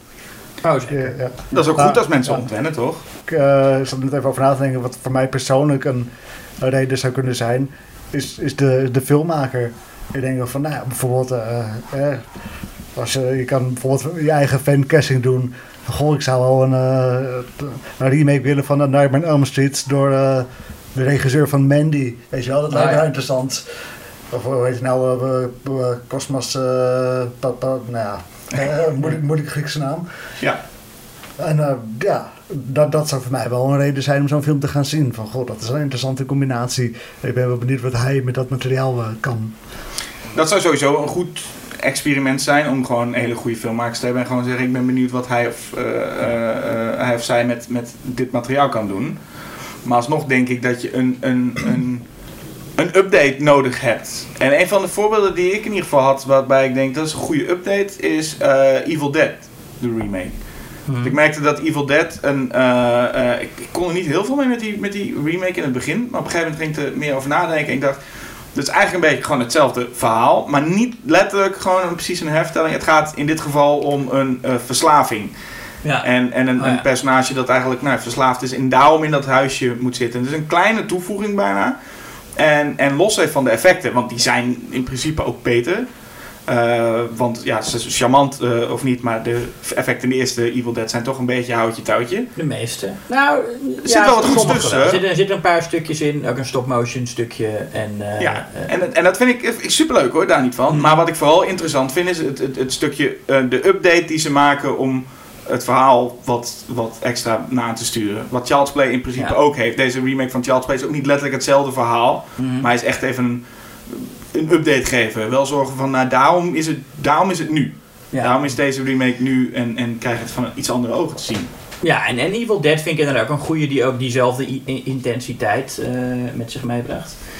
Maar het soort remake dat Liewe noemt, waar je vooral geïnteresseerd bent in de visie van een bepaalde regisseur. Ehm, nou ja, dat is Werner Herzog eh, van eh, Nosferatu natuurlijk. Ja, zeker. Ja. Eh, een van mijn favoriete remakes, eh Suspiria, door eh, Luca Guadagnino. ja, Maar dat is een intens gehate film door eh, vrijwel de gehele rest van de redactie. nou, ik, eh, ik, had, ik vond het best wel een goede film. Alleen tot aan de finale, daar eh, vond ik hem ja, toch wel flink uit de bocht vliegen. En Hmm. eh, ja, het hele holocaust eh, subplot, dat was... eh, ja, weet je wat Suspiria nodig heeft? Meer holocaust. Dat was natuurlijk... Holo- Holocaust, het, was, het ging toch over de nasleep van de oorlog. Nou, stond er nou heel veel specifiek aan de Holocaust. Ja. Nou ja, dat zij afgevoerd was, ja. Ja, ja, ja, ja. Nee, oké, maar ja, ja oké. Het, het is geen film die zich in een concentratiekamp afspeelt. Nee, nee, nee, nee, nee, dat zeker niet. Nee. Nee, ik heb die film, ik heb nog steeds niet gezien, de, de remake van Suspiria. Maar ik kwam hem wel steeds tegen in lijstjes van beste horror remakes aller tijden. Werd- kwam die wel steeds voorbij. Nou ja, omdat het een opvallende is. Wat je er ook verder van vindt, het is geen Nightmare on Elm Street die gewoon eh, inspiratieloos de zetten herhaalt. Nee, dat was er heel goed aan. Dat was inderdaad wat jij zei. Net als, het was inderdaad eh, Rob Zombies Halloween. En dit was eh, Luca Carocano's Ja. eh Suspiria. Het, het was inderdaad. en dat, dat kan ik ook inderdaad alleen maar toejuichen. Dat hij, eh, ja, wat je ook van die film vindt, het, het was wel echt zijn eigen ding. En hij was ook, ik was ook bewust voor om niet eh, die, die beroemde kleurenpaletten over te nemen uit de oorspronkelijke Suspiria. En het juist helemaal weg te laten. Omdat hij dacht, ja, dat kan ik toch niet eh evenaren. Ja, nou in diezelfde categorie heb je natuurlijk ook David Cronenberg, die echt The Fly gebruikte voor thema's die hij zelf al eerder aan het verkennen was in zijn eerdere films. Dus die dat verhaal gewoon eh, naar zijn hand zette. En er echt een David Cronenberg film van maakte. Mhm. Die niet zoveel te maken heeft met het origineel en ook niet echt met het eh, korte verhaal waar, waar die film dan weer op gebaseerd is. Wie, heb je nog meer films van, van grote regisseurs die een remake hebben gemaakt? Hitchcock heeft eh, eh, The Man Who Knew Too Much van zichzelf geremaked. Ja? Gus Van Sant heeft natuurlijk Psycho geremaked. Wat aan de ene kant, ja, wat je zei, wat we net al zeiden, letterlijk shot voor shot. Met een paar shots als uitzondering. Wat dan ook wel weer heel erg Gus Van Sant is. Van ik ga een interessant eh, kunstexperiment doen. En deze film gewoon... Ja, het was, voelt echt als een experiment, die, die, Ja. die film. Ja. eh, ik vind het geen geslaagd experiment. Ik vind het eigenlijk een verspilling van geld. Maar eh, ja, het is nu een keer gedaan. Dus ho- hopelijk is, is Gus Van Sant klaar. En heeft hij daar, nou, dat, dat, volgens mij heeft hij het wel uit zijn systeem gekregen. En gaat hij nu weer gewoon zijn eigen... Nu weer, het is jaren geleden dat hij gedaan heeft. Maar Ja. Ik zou niet weten of ik daar. Want ik, ik, ik kan me nu niet voorstellen dat er nu echt veel. Het, enige wat je inderdaad kan doen is naar, naar regisseurs nadenken. En denken: oh, wat zou het leuk zijn om die zo'n remake of iets dergelijks te maken. Maar ik de, kan ik niet veel voorbeelden van bedenken die daar echt, echt, echt bij aansluiten. Kom, ik bedoel, dan kom je een beetje op het, op het gevaarlijke terrein van dat ik denk: ah ja, ik, ik had waarschijnlijk ooit misschien Tim Burton en Alice in Wonderland gezegd ja, ja, precies. omdat dat zo perfect matcht. En, Ja. en, en dat, nee, dat matcht dit niet. Maar de, ehm, even in de categorie van eh, een, een update, een klein beetje een update, een beetje een tussencategorie waar we net hadden, was bijvoorbeeld Night of the Living Dead. Ja. Dus het was, was ergens wel rijp voor een, een remake, zou je denken. Het mocht wel eens een keer in kleur, het mocht wel eens een keer met wat meer effecten. Ehm, en die, die, die remake is, is, is eigenlijk ook, nou niet shot voor shot, maar is wel heel erg trouw aan het origineel Mhm. in, in bijna alles. Alleen bijvoorbeeld één ding die ze dan corrigeren is zo'n update. eh, is dat ze van het hoofdpersonage, de vrouw Barbara, die in wat zelfs George A. Romero toegaf in het origineel. Ja, ze werd eigenlijk gewoon in, op een gegeven moment ineens een soort van. Ze, ze, ze raakte in een soort van eh, eh, ja, shock Ja, en, en deed helemaal niks meer. hè? En in de, in de remake, wat je ervan vindt of niet, maar wordt ze ineens een soort van badass die ook eigenlijk een soort van meer een, een story arc krijgt. En, en, en dat vind ik een, bijvoorbeeld, nou, dat is één klein element, redelijk groot eigenlijk wel, maar is een klein element wat, wat toch wel als update wordt gegeven. Ja. En dat is wel, vind ik wel een fijne, eh, vind ik ook wel een fijne manier om gewoon eigenlijk een soort van, we gaan de film pakken en alles wat goed is, houden we zo. En alles wat niet zo goed werkte, dat gaan we iets veranderen. Ja. Nou, je kunt ook. Ik weet, ik, ik weet hier heel weinig voorbeelden van. Maar als je inderdaad een film hebt die met een goed idee, maar zwak uitgewerkt. Dat is eigenlijk de beste reden om een remake te maken, lijkt me. Ja. Maar ja, die worden eigenlijk niet echt gemaakt, want die film die Ja. kent niemand. Dus dan zeg je, Nou, we kunnen een remake maken van die film. Maar Nee, ik zit te denken, maar Ik kan in ieder geval Ja. een paar, en misschien is dat een goed onderwerp, wat ik, wat ik ook wel interessant vind, is welke films er nog geremaked zouden moeten worden. En ik kom Oh, ja. dan stevast op, op dus bijvoorbeeld Stephen King verfilmingen. Want Stephen King verfilmingen vind ik rijp voor, eh, want die zijn allemaal niet heel erg goed. De meeste zijn niet heel erg goed. En, ze en, en ik wil ook zelf zeggen dat heel veel van de boeken niet per se heel erg goed zijn, maar ze hebben vaak wel een interessant idee. En als ik nu zou denken aan, nou ja, laten we zeggen The Stand, eh, The Langoliers, Thinner. St- Thinner heb ik laatst nog weer gezien. Dacht ik, het idee vind ik best interessant. De film is echt compleet waardeloos uitgevoerd. het boek is ook niet zo goed hoor. Het boek is ook niet zo goed, maar er zit een, ergens een idee in dat ik denk, oh, het is wel een interessant idee. Wat als dat nou... Dat, ik vind heel veel van de Stephen King films, en door, dankzij, eh, nou ja, It vooral, maar volgens mij krijgen we steeds meer van dat soort Ja. eh, eh, Stephen King films. En dat vind ik een hele goeie, want daar ben ik niet per se dol op. op die- ik, of ik vind het leuk, alle Stephen King verfilmingen. Maar daarvan heb ik een heleboel van wat ik denk, dat die, vooral die miniseries, ga die maar remaken. Lijkt me interessant. Dus dat vind ik van die typische, oh, leuk, oh, klinkt leuk, leuke premisse. Alleen de uitvoering is nog niet zo heel goed. Dus die zijn voor wat mij betreft allemaal rijp voor een, een remake. Allemaal? Nee, niet, nou ja, nee, eh, welke niet? Ja, The Shining hebben we al gehad, Ja. als, als, als, als remake, maar juist als miniserie. Ja, Carrie is ook al geremaked. Ja, wat niet En alles wat is. nog niet geremaked is, wordt nu geremaked. Want, want er is natuurlijk een gigantische Stephen King revival aan de hand. Ja. Dus alles, alles wordt nu verfilmd. Maar Ja, ik vraag me toch- af of iets als de Langoliers eh of, dat, ik, ik- of dat meegaat. Ik denk, het is heel vaak is het heel moeilijk te verfilmen wat hij schrijft. Hij heeft van die ideeën die soms op papier werken, maar als je dan probeert je een beeld te vormen van hoe dat in het echt zou zijn. Ja, je, moet ook niet, je moet volgens mij ook niet alles letterlijk verfilmen wat die man schrijft. Nee, zeker niet. Want ik heb het idee dat alle filmmakers die zeiden van... Oké, leuk idee, hier ga ik mee aan de haal. Dat zijn volgens mij de beste verfilmingen geworden. Ja, zeker. En daar is King meestal het minst tevreden over, omdat het van zijn boeken afwijkt. Maar dat zijn mij meestal wel de films die het, die het beste zijn. Dus volgens mij moet je ook juist mensen hebben die zeggen... Langoliers, klinkt als een interessant idee, ik ga er mijn eigen ding mee doen. Tommy Ja. Knockers, klinkt als een interessant idee, ga ik iets leuks mee doen. En maar geen eh, Mick Garris die gewoon... eh, die letterlijk Ja. gewoon... Ik vond eh, de stand van McCarris, daar wil ik best wel een lans verbreken. Dat Ja, vind ik een prima-. Nou, ik, ik vond het een uh, ja, stekende miniserie. Er zit een, een hele goede cast in. Het is spannend, drama in. Het is, ja, het is, het is een heel moeilijk te verfilmen boek ook. Het is natuurlijk episch van proporties. Ja, ik haat het woord episch, maar hier heeft het wel echt, eh, is wel echt van toepassing op met ja, de honderden personages eh, verspreid over heel Amerika. Ja, en, ja, ik denk dat hij best wel redelijk geslaagd is om het, eh, om het eh, boek te verfilmen. En wat ik nu dan hoor over die remake die ervan, of de nieuwe versie die ervan nu wordt gemaakt. En als ik alleen maar de kerst lees, dan denk ik, oh, alsjeblieft, laat Oké. het met rust. Ja. Maar dat kan ik me voorstellen, Ja. dat, je dat, dat je dat hebt. Maar neem nou even dat je zegt, oké, de stand. Ik wil dan een lans verbreken en daarna zeggen, ik denk dat hij er redelijk in geslaagd is. Ja. Neem, dan de, neem dan een hele interessante film maken en dan de stand. Dan denk je toch, ja, dan, dan, dan, die gaat Mick Garris sowieso voorbij. Ja, alleen het probleem is dat ze nu geen hele interessante filmmaker ervoor hebben aangetrokken. Akkoord. Dat is dan een probleem. Maar ik kan me wel voorstellen dat het bronmateriaal zich heel erg leent voor een goede remake. Zeker, maar ik, ik, ik wou het even opnemen voor Mick Harris, vooral omdat die eh. Oh, eh, een veeg uit de pan kreeg. Maar Nee, ik wil niks, niks met Mick Garris heeft ook sleep, Sleepwalkers gemaakt. Ja, Dus daar kunnen we niks negatiefs over zeggen. ja. De En man is hij, een en hij is heel aardig. En het is een hele aardige man. Daar kan helemaal niemand tegen, tegen in, inderdaad.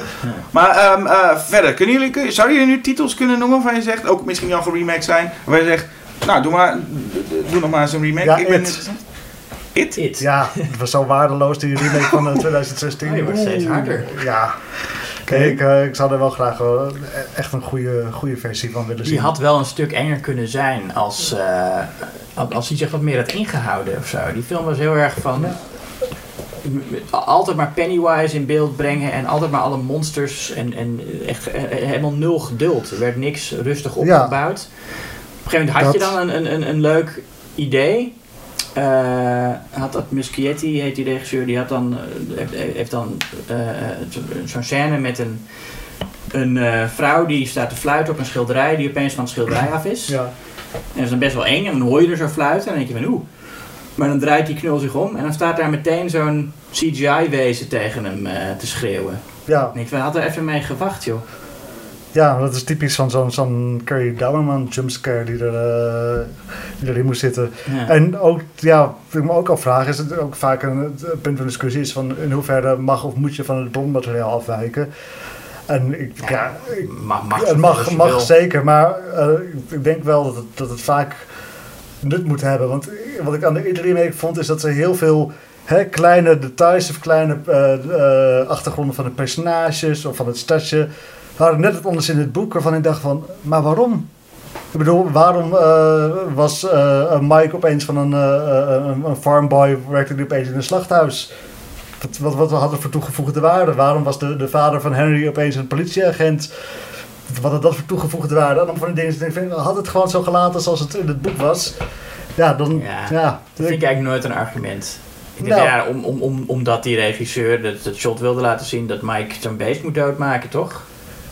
Dat is op zich al je. Maar je hoeft dat toch niet helemaal te rechtvaardigen, dat dingen anders zijn. Het is gewoon een, een ander verhaal dan het boek. Nou, ik vind, het, eh, ik vind het wel, als het, als het weinig toevoegt, dan vind ik wel dat je een rechtvaardiging... eh, Nee, ik vind van niet. Nou, nou dan zijn we niet eens. Ja, dat het jouw film is, is de Ja. rechtvaardiging. Schotverdomme, jouw film. Je gaat niet uh, iedereen van het boek te maken. Ik bedoel, het boek is waar je het idee van aanhaalt, maar... Als, Ja, als, maar- zo als, als stel je voor dat Stanley Kubrick had gedacht toen hij The Shining maakte, dat Ja. hij elke verandering moest rechtvaardigen. Nee, maar kijk, eh, wat ik zei, ik zeg niet dat je nooit iets mag veranderen. En ik snap ook wel dat je heel veel dingen eh, uit, een, uit een boek of uit een strip, weet ik veel wat, hè, niet rechtstreeks kan verfilmen of, of anders moet doen.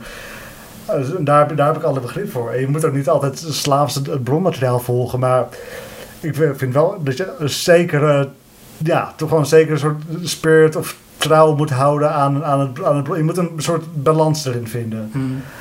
En ja, als het compleet eh, iets anders wordt, dan, dan vind ik het wel verstorend. Maar ik denk juist dat als we het nu steeds hebben over remakes, denk ik juist dat het goed is om het te veranderen. Want als ik een remake wil zien en iemand zegt ik heb nu een idee voor een remake, maar het is heel gek en het slaat, gaat eigenlijk een heel andere kant op, denk ik, nou ja, juist doe maar, want ik heb niet zoveel zin in om nog een keer te zien. Nee, dat wel, ja, maar goed, dit is natuurlijk ook een beetje een andere discussie, omdat we hier en het boek hebben en Ja. de originele. Dus dat is, eh, heb je meer eh, materiaal. Ik bedoel, een remake pu- puur van de film. Zei, ik, nou, net had het over Suspiria, die is natuurlijk heel anders. Dan zeg je, ja, eh, doe alsjeblieft iets Ja. anders, inderdaad. Ja, en probeer ook zeker niet te veel eh, eer te betonen aan het origineel. Want dat zie je tegenwoordig nog wel eens in remakes. Dat ze echt een soort odes aan, het, aan de oorspronkelijke film erin willen stoppen. Ik denk nu aan Ghostbusters. Ja, Eh, die remake die om, meerdere redenen eh, gehaat werd door sommige mensen. Ik vond hem op zich ja, wel oké. Ik ben ook geen grote fan van, van de originele Ghostbusters. Ik vond deze, ja... Het was een, een, een, een alleszins eh, middelmatig twee uur of zo, of iets korter. Ehm, maar wa- waar die film voor mij vooral onder leed, was dat er zoveel, hij had zoveel respect voor het origineel. Ze moesten de hele tijd erin cameo's van iedereen uit het origineel en verwijzingen. En eh, ze zijn zich zo bewust van hun status als remake van iets wat al gedaan is. Ja, zo kan je natuurlijk nooit een film op eigen benen laten staan. nou, dat heeft natuurlijk ook heel erg te maken met die hele nostalgieboom die je nu hebt. Alles moet, moet daar, daar leeft het volgens mij van. Ja, maar En- je kan die stijl nabootsen zonder zo zelfbewust de hele tijd te zeggen van... oh, maar dit, dit is alles eerder gebeurd. En we, en- om, om, de, om de vijf minuten weer, weer een, een verwijzing in, in je gezicht te smijten. Nee, ik heb het idee dat als je echt kijkt naar Ghostbusters... En ik, heb, ik wist niet eens dat er zo'n grote fanbase was. Maar er schijnt een hele hechte fanbase te zijn van Ghostbusters. Ja. En dat als je eh, het gewoon het principe Ghostbusters neemt... Alleen dat... Denk, volgens mij kun je best wel hele toffe eh, soort van remakes maken. Maar wat ik nu heel erg het gevoel heb is inderdaad... Is gewoon hetzelfde doen. Hetzelfde soort pakken. Hetzelfde, eigenlijk alles bijna hetzelfde. Ook de personages hetzelfde. Maak dan ook gewoon iets compleet anders met die... eh, nou, het verhaal was wel anders. ja, de perso- nou ja, wat was er nou heel anders? Het was, het was in principe nog steeds, toch? Die, de, Nou ja, die hele romance met... eh, ja, ja, ja, oké. Maar ik bedoel meer echt in, de, echt in de grote lijnen. Want de grote lijnen waren het gewoon dezelfde soort personages, gewoon letterlijk zo ongeveer op, op de ander plakken. Ja, het was een heel ander soort humor ook. Een heel ander, ja. Dat voelde wel heel anders dan de, dan de oorspronkelijke Ghostbusters, vond ik. Het was ook niet de juiste keuze om Paul Feig een Ghostbusters remake te laten maken. Misschien dat misschien ook inderdaad. Maar, eh, heb jij nog een, eh, een titel die je zo kan bedenken waarvan je denkt, doe er maar, doe er maar eens een remake van? Ehm, ik zit meteen in de film noir hoek te denken. Want ik denk dat we wel een beetje toe zijn aan een soort eh, golf neo-noir. Of misschien heb ik daar zelf gewoon heel veel zin in. Ja, maar ik ook, denk hoor. ook dat in, in de... in- nou ja, je merkt wel dat eh, mensen volgens mij steeds cynischer worden over de politieke situatie. En eh, dat heeft vaak wel duistere thrillers tot gevolg. Of dat een beetje leeft in de cultuur. Ehm, dus ik denk, als er nu een remake gemaakt zou worden van The Big Heat of Kiss Me Deadly of Maltese Falcon, noem maar wat. Die dan vooral niet gaat proberen die originele films eh, te, na te bootsen of daar trouw aan te zijn of zo. Maltese Falcon was trouwens zelf ook een remake. Ehm, maar gewoon ja, het verhaal voor deze tijd. En ze- zet het ook gewoon lekker in, in deze tijd, weet je wel. Ga niet naar de jaren 40, maar gewoon in, in de 21ste eeuw. Een, een film, een, een- ja, een Humphrey Bogart-achtige, Sam Spade-achtige privé-detective. En eh, met een 21ste eeuwse twist. Nou hebben we wel de hele tijd zeggen, nou hebben we het natuurlijk de hele tijd over remakes. Maar we hadden het net in het begin logischerwijs over reboots ook. Ja. Eh, wat valt daar nog over te zeggen? Want volgens mij remakes zijn een beetje aan het uitsterven nu. Of in ieder geval dus even de trend is minder. En Mhm. reboots is weer... eh, Ja, nou ja, vooral dat, het dus, dat dat woord dus eigenlijk bijna altijd verkeerd gebruikt wordt. Want de meeste films die een reboot genoemd worden, zijn gewoon later vervolgen. ja. Ik bedoel, Men in Black 4 wordt ook een reboot genoemd. Terwijl dat, het is gewoon een, een- En het is niet eens zo'n heel laat vervolg. Het was, hoe, hoe lang is het geleden dat eh, Men in Black 3 Zeven uitkwam? jaar. Zeven jaar. Dat, is, eh, dat zit ook tussen Alien en Aliens. Maar niemand noemt Aliens een reboot. Nee, maar dat heeft ook dezelfde Terminator dezelfde 2. Ja. Terminator 2 is ook... Ja, hij heeft ook dezelfde over, zijn dat klopt. Maar, Ja, wordt er in, eh, in Man in Black, want die heb ik niet gezien, wordt er in Man of, de nieuwe Man in Black dan gerefereerd naar dat, de dat de oude personages Ja, er nou, bestonden? er zit een personage in eh, van eh, Emma Thompson. Thompson. En daar hangt op een gegeven moment een schilderij waarop Will Smith en Tommy Lee Jones staan afgebeeld. ja, maar er zitten geen verwijzingen in naar, Ja, naar, naar verhaal. Nee, Nee, nee, nee. maar het speelt ze wel in hetzelfde universum af, zeg maar. Ja. Want dan wordt een reboot dus eigenlijk gewoon vaak gebruikt als in we starten het opnieuw op, maar eigenlijk gaan we gewoon verder. Nou, ik zou dit een spin-off noemen. Die term heb je ook nog, ja. Dat, eh, dit, dit vind ik nou echt een spin-off. Ja. Maar goed, daar wordt het niet makkelijker van, want je krijgt dus, je krijgt dus remakes, reboots, herverfilmingen, revivals, spin-offs. trouwens, een spin-off... Nee, wacht even. Een spin-off is natuurlijk als je een populair personage hebt dat al bestaat... dat dan een eigen Zoals, serie Ja, zoals de dat- nieuwe Fast and Furious, dat is toch een spin-off eigenlijk? Ja, Ja, nieuwe Fast and Furious gaan er en twee ja. van die personages gaan even, eh, Ja, gaan even, iets, En- even en- een ander avontuur. ja. Oh, en, en en dan- deze personages zaten niet in de eerdere Men in Black... dus is het geen spin-off dan. Nee, dus het is eigenlijk gewoon een vervolg. Maar ja, goed, Ja. oh, goed, er zit één personage in, dus, Emma- maar dat was niet het populairste personage natuurlijk. Ja, vaak Ja. wordt een reboot dus eigenlijk, ge- ge- de term reboot wordt eigenlijk vaak genoemd, maar gaat vaak gepaard met een andere. Ofwel een spin-off, ofwel een sequel. Maar reboot wordt eigenlijk vooral gebruikt voor te zeggen van, jongens, we gaan, even, we gaan even opnieuw. Ook al is het niet per se opnieuw. Ja, dat is vaak de insteek van we gaan het een beetje verfrissen en, en, en voor de huidige generatie. eh, ja. Of, of we gaan iets doen met een gender swap, zoals in eh, Ghostbusters. Dat wordt ook wel vaak dan als Ocean's 8 noemden sommige mensen een reboot, terwijl het ook gewoon een vervolg is. Ja, want stel, stel, laten we zeggen, The Amazing Spider-Man. Remake of reboot? Eh, de reboot, zou ik zeggen. Maar het is in principe een- opnieuw hetzelfde, het, het, het, hetzelfde verhaal opnieuw Ja, maar verteld. het is niet dezelfde film opnieuw verteld. Nee, ik zou het inderdaad ook een reboot noemen. Om, ook omdat het was nog, nou ja, oké, we wisten dat er geen Sam Raimi Spider-Man 4 zou komen. Helaas. Maar het was nog wel kort genoeg geleden om te zeggen dat het een, eh, een reboot is en geen remake. Dus de nieuwe Spider-Man, want nu kom je op verwarrende, verwarrende dingen. Of het was eigenlijk al verwarrend. Maar nu kom je bij, dan is de Tom Holland, dus in Ja. de MCU, is ook een reboot. Nou ja, maar dat, dat, zit, maar dat is helemaal verwarrend, want die zit al in een reeks. Ja, Ja. Dat is gewoon een bestaande reeks waar opeens Spider-Man binnenkomt. dat het dat- universum, Moet er, eh, moet, er, moet, er, moet, er nog, moet er nog een term. Net als is Men in Black International niet ook gewoon deel van de Men in Black Cinematic Universe dan? Om Ja. daar even op terug te komen. Nee, zeker. Ja, je kunt alles deel maken van een cinematic universe. En wat nou voor de geestig is, ik eh, maar we vaker van die geruchten dat er in dat een personage wordt gehaald dat eh, eh, J. Jonah Jameson, die, dat, dat J.K. Simmons teruggehaald wordt voor een soort van rolletje. Ja. Waarbij het nog verwarrender wordt op het moment dat hij nu in een nieuwe film komt. Want wat is het dan? Dan, Ja. wordt, dan wordt het nog verwarrender. Dan is het Ja. een soort James Bond verhaal, eh, krijg je dan bijna. Ja. Ja. Ja. Nee, want je kan natuurlijk gewoon dezelfde regisseur dat personage laten spelen zonder dat het meteen... eh, Dezelfde acteur. Ja. toch, dat het maakt er verder niet uit. Nee. Tenzij, die, tenzij het personage ook weet nog van de vorige gebeurtenissen. Ja, nee, dan, dan, dat is niet de bedoeling. dan, wordt het, dan wordt het nog verwarrender. wordt Dat is trouwens het maar geval. als, als nu J.K. Simmons weer J. Jonah Jameson gaat spelen, zou ik dat niet zien als een continuïteitsfout. Want hij zit helemaal niet in, die, in, in, in de huidige MCU. Je hebt, je dus- hebt ook eh, ehm, in de nieuwe Quentin Tarantino film, die acteur die eh, eh, Marilyn Manson speelt, die speelt ook Marilyn Manson in het tweede seizoen van... Marilyn Manson. Ach, ik doe dat altijd. Charles Manson bedoel ik natuurlijk. Die speelt ook Charles Manson in het tweede seizoen van Manhunter. Dus eigenlijk zou je Kun je kunnen die ook? zeggen dat Manhunter en Once Upon a Time in Ah, ja.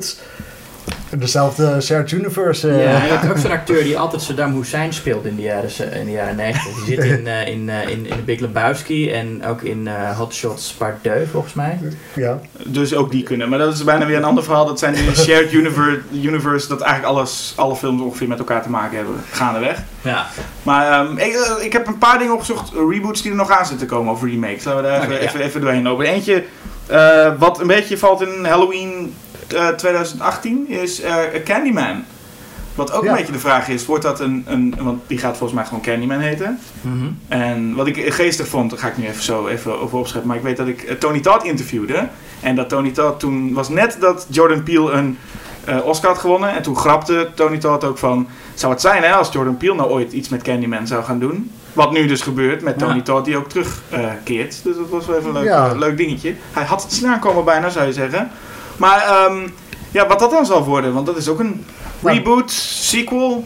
Dat is nog maar de vraag, want eh, ja, Tony Todd keert terug en eerst waren alle geruchten dat... eh, eh, ja, ik ben dus eh, weer slechte namen, maar die acteur die ook de Black Manta speelt in Aquaman en die ook een rolletje heeft in Us in het begin, die jongen, hij zou eh Candyman spelen, maar dat was alleen maar een gerucht en volgens mij is het later weer ontkend. En nou is, ja, eh, hint Tony tot er steeds meer naar dat hij eh, terug zou keren in, in, in een goedanigheid. Ja, dan zijn toch als denken, dat moet dan wel als Candyman zelf zijn die die speelt. Dus Ja. of er dan inderdaad een, een soort, wordt een spiritueel vervolg genoemd, een spiritual sequel door Jordan Peele. Dus eh, wat dat inhoudt, dat is weer een nieuwe term. Want je krijgt, je krijgt een beetje het idee dat, na dus weer, dat er een trend is ontstaan weer met Halloween eh, Ja. 2018. Waarbij de geruchten gaan dat, dat oude personages weer terug gaan keren in een rol. Maar toch denk ik dat Candyman niet zo'n iconische status heeft als Halloween. eh, wat zou rechtvaardigen dat je ervan uitgaat dat iedereen nog weet wie de personages in die film zijn. Nee.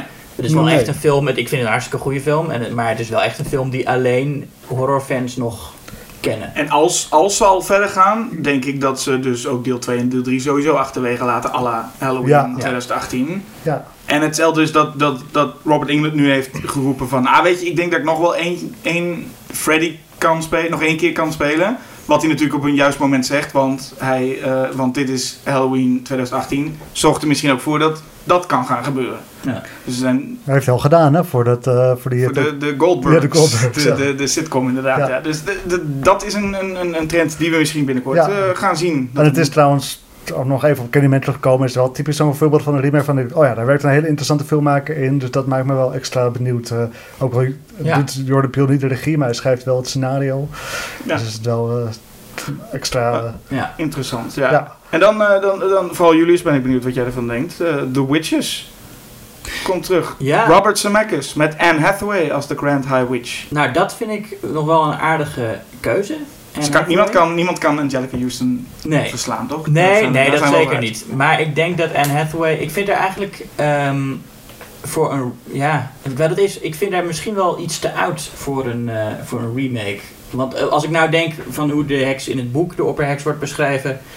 is het echt een, een, een meisjesachtig meisje van begin twintig, volgens de protagonist. En het lijkt me nou leuk. Nou goed, Angelica Houston ging een andere kant op. En dat was een hartstikke goede rol. Maar ik, ik denk, ik zou nou wel eens willen zien de opperheks zoals ze in dat boek wordt beschreven. Ja. Eh, Ik, ik denk ook, ik, ik, ik denk alleen Robert Zemeckis, weet ik niet hoor. Ja, nee, dat, het, het wordt ook. Ik, nee, ik, ik vermoed dat dat niet, eh, niet zo duister gaat worden als Nicholas Roeg het maakte. En Nee. dat het heel erg alles gaat eh, downplayen. Nou, net, net zoals die Spielberg-versie van eh, De Grote Vriendelijke Reus. Ja. Maar de, de zo Witches... duister is die versie van Nicholas Rogue toch ook niet?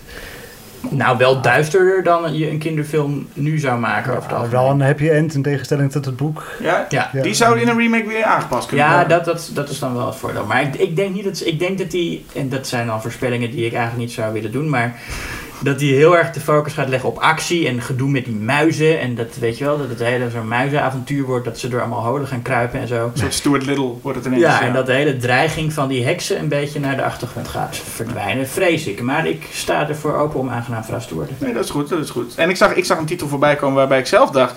Dat vind ik ook wel een goede eigenlijk, waarom die nog niet eerder is gebeurd. Dat is The Birds van Ja, want dat is ook niet zo'n heel goede film. Die is wel geremake, toch? Een, eh, eh, of, Birdemic? Nee, The Birds 2 is Oh ja, die was het. Ja, die ja, nog dat zei slechter. ze. Ja. Nee, dus ja, dat vond ik een titel waarvan ik dacht... Ah, volgens mij is die film vrij gedateerd, niet heel sterk... maar wel, Nee. een, wel een premisse waarvan ik denk... dat zou wel een goede remake kunnen zijn.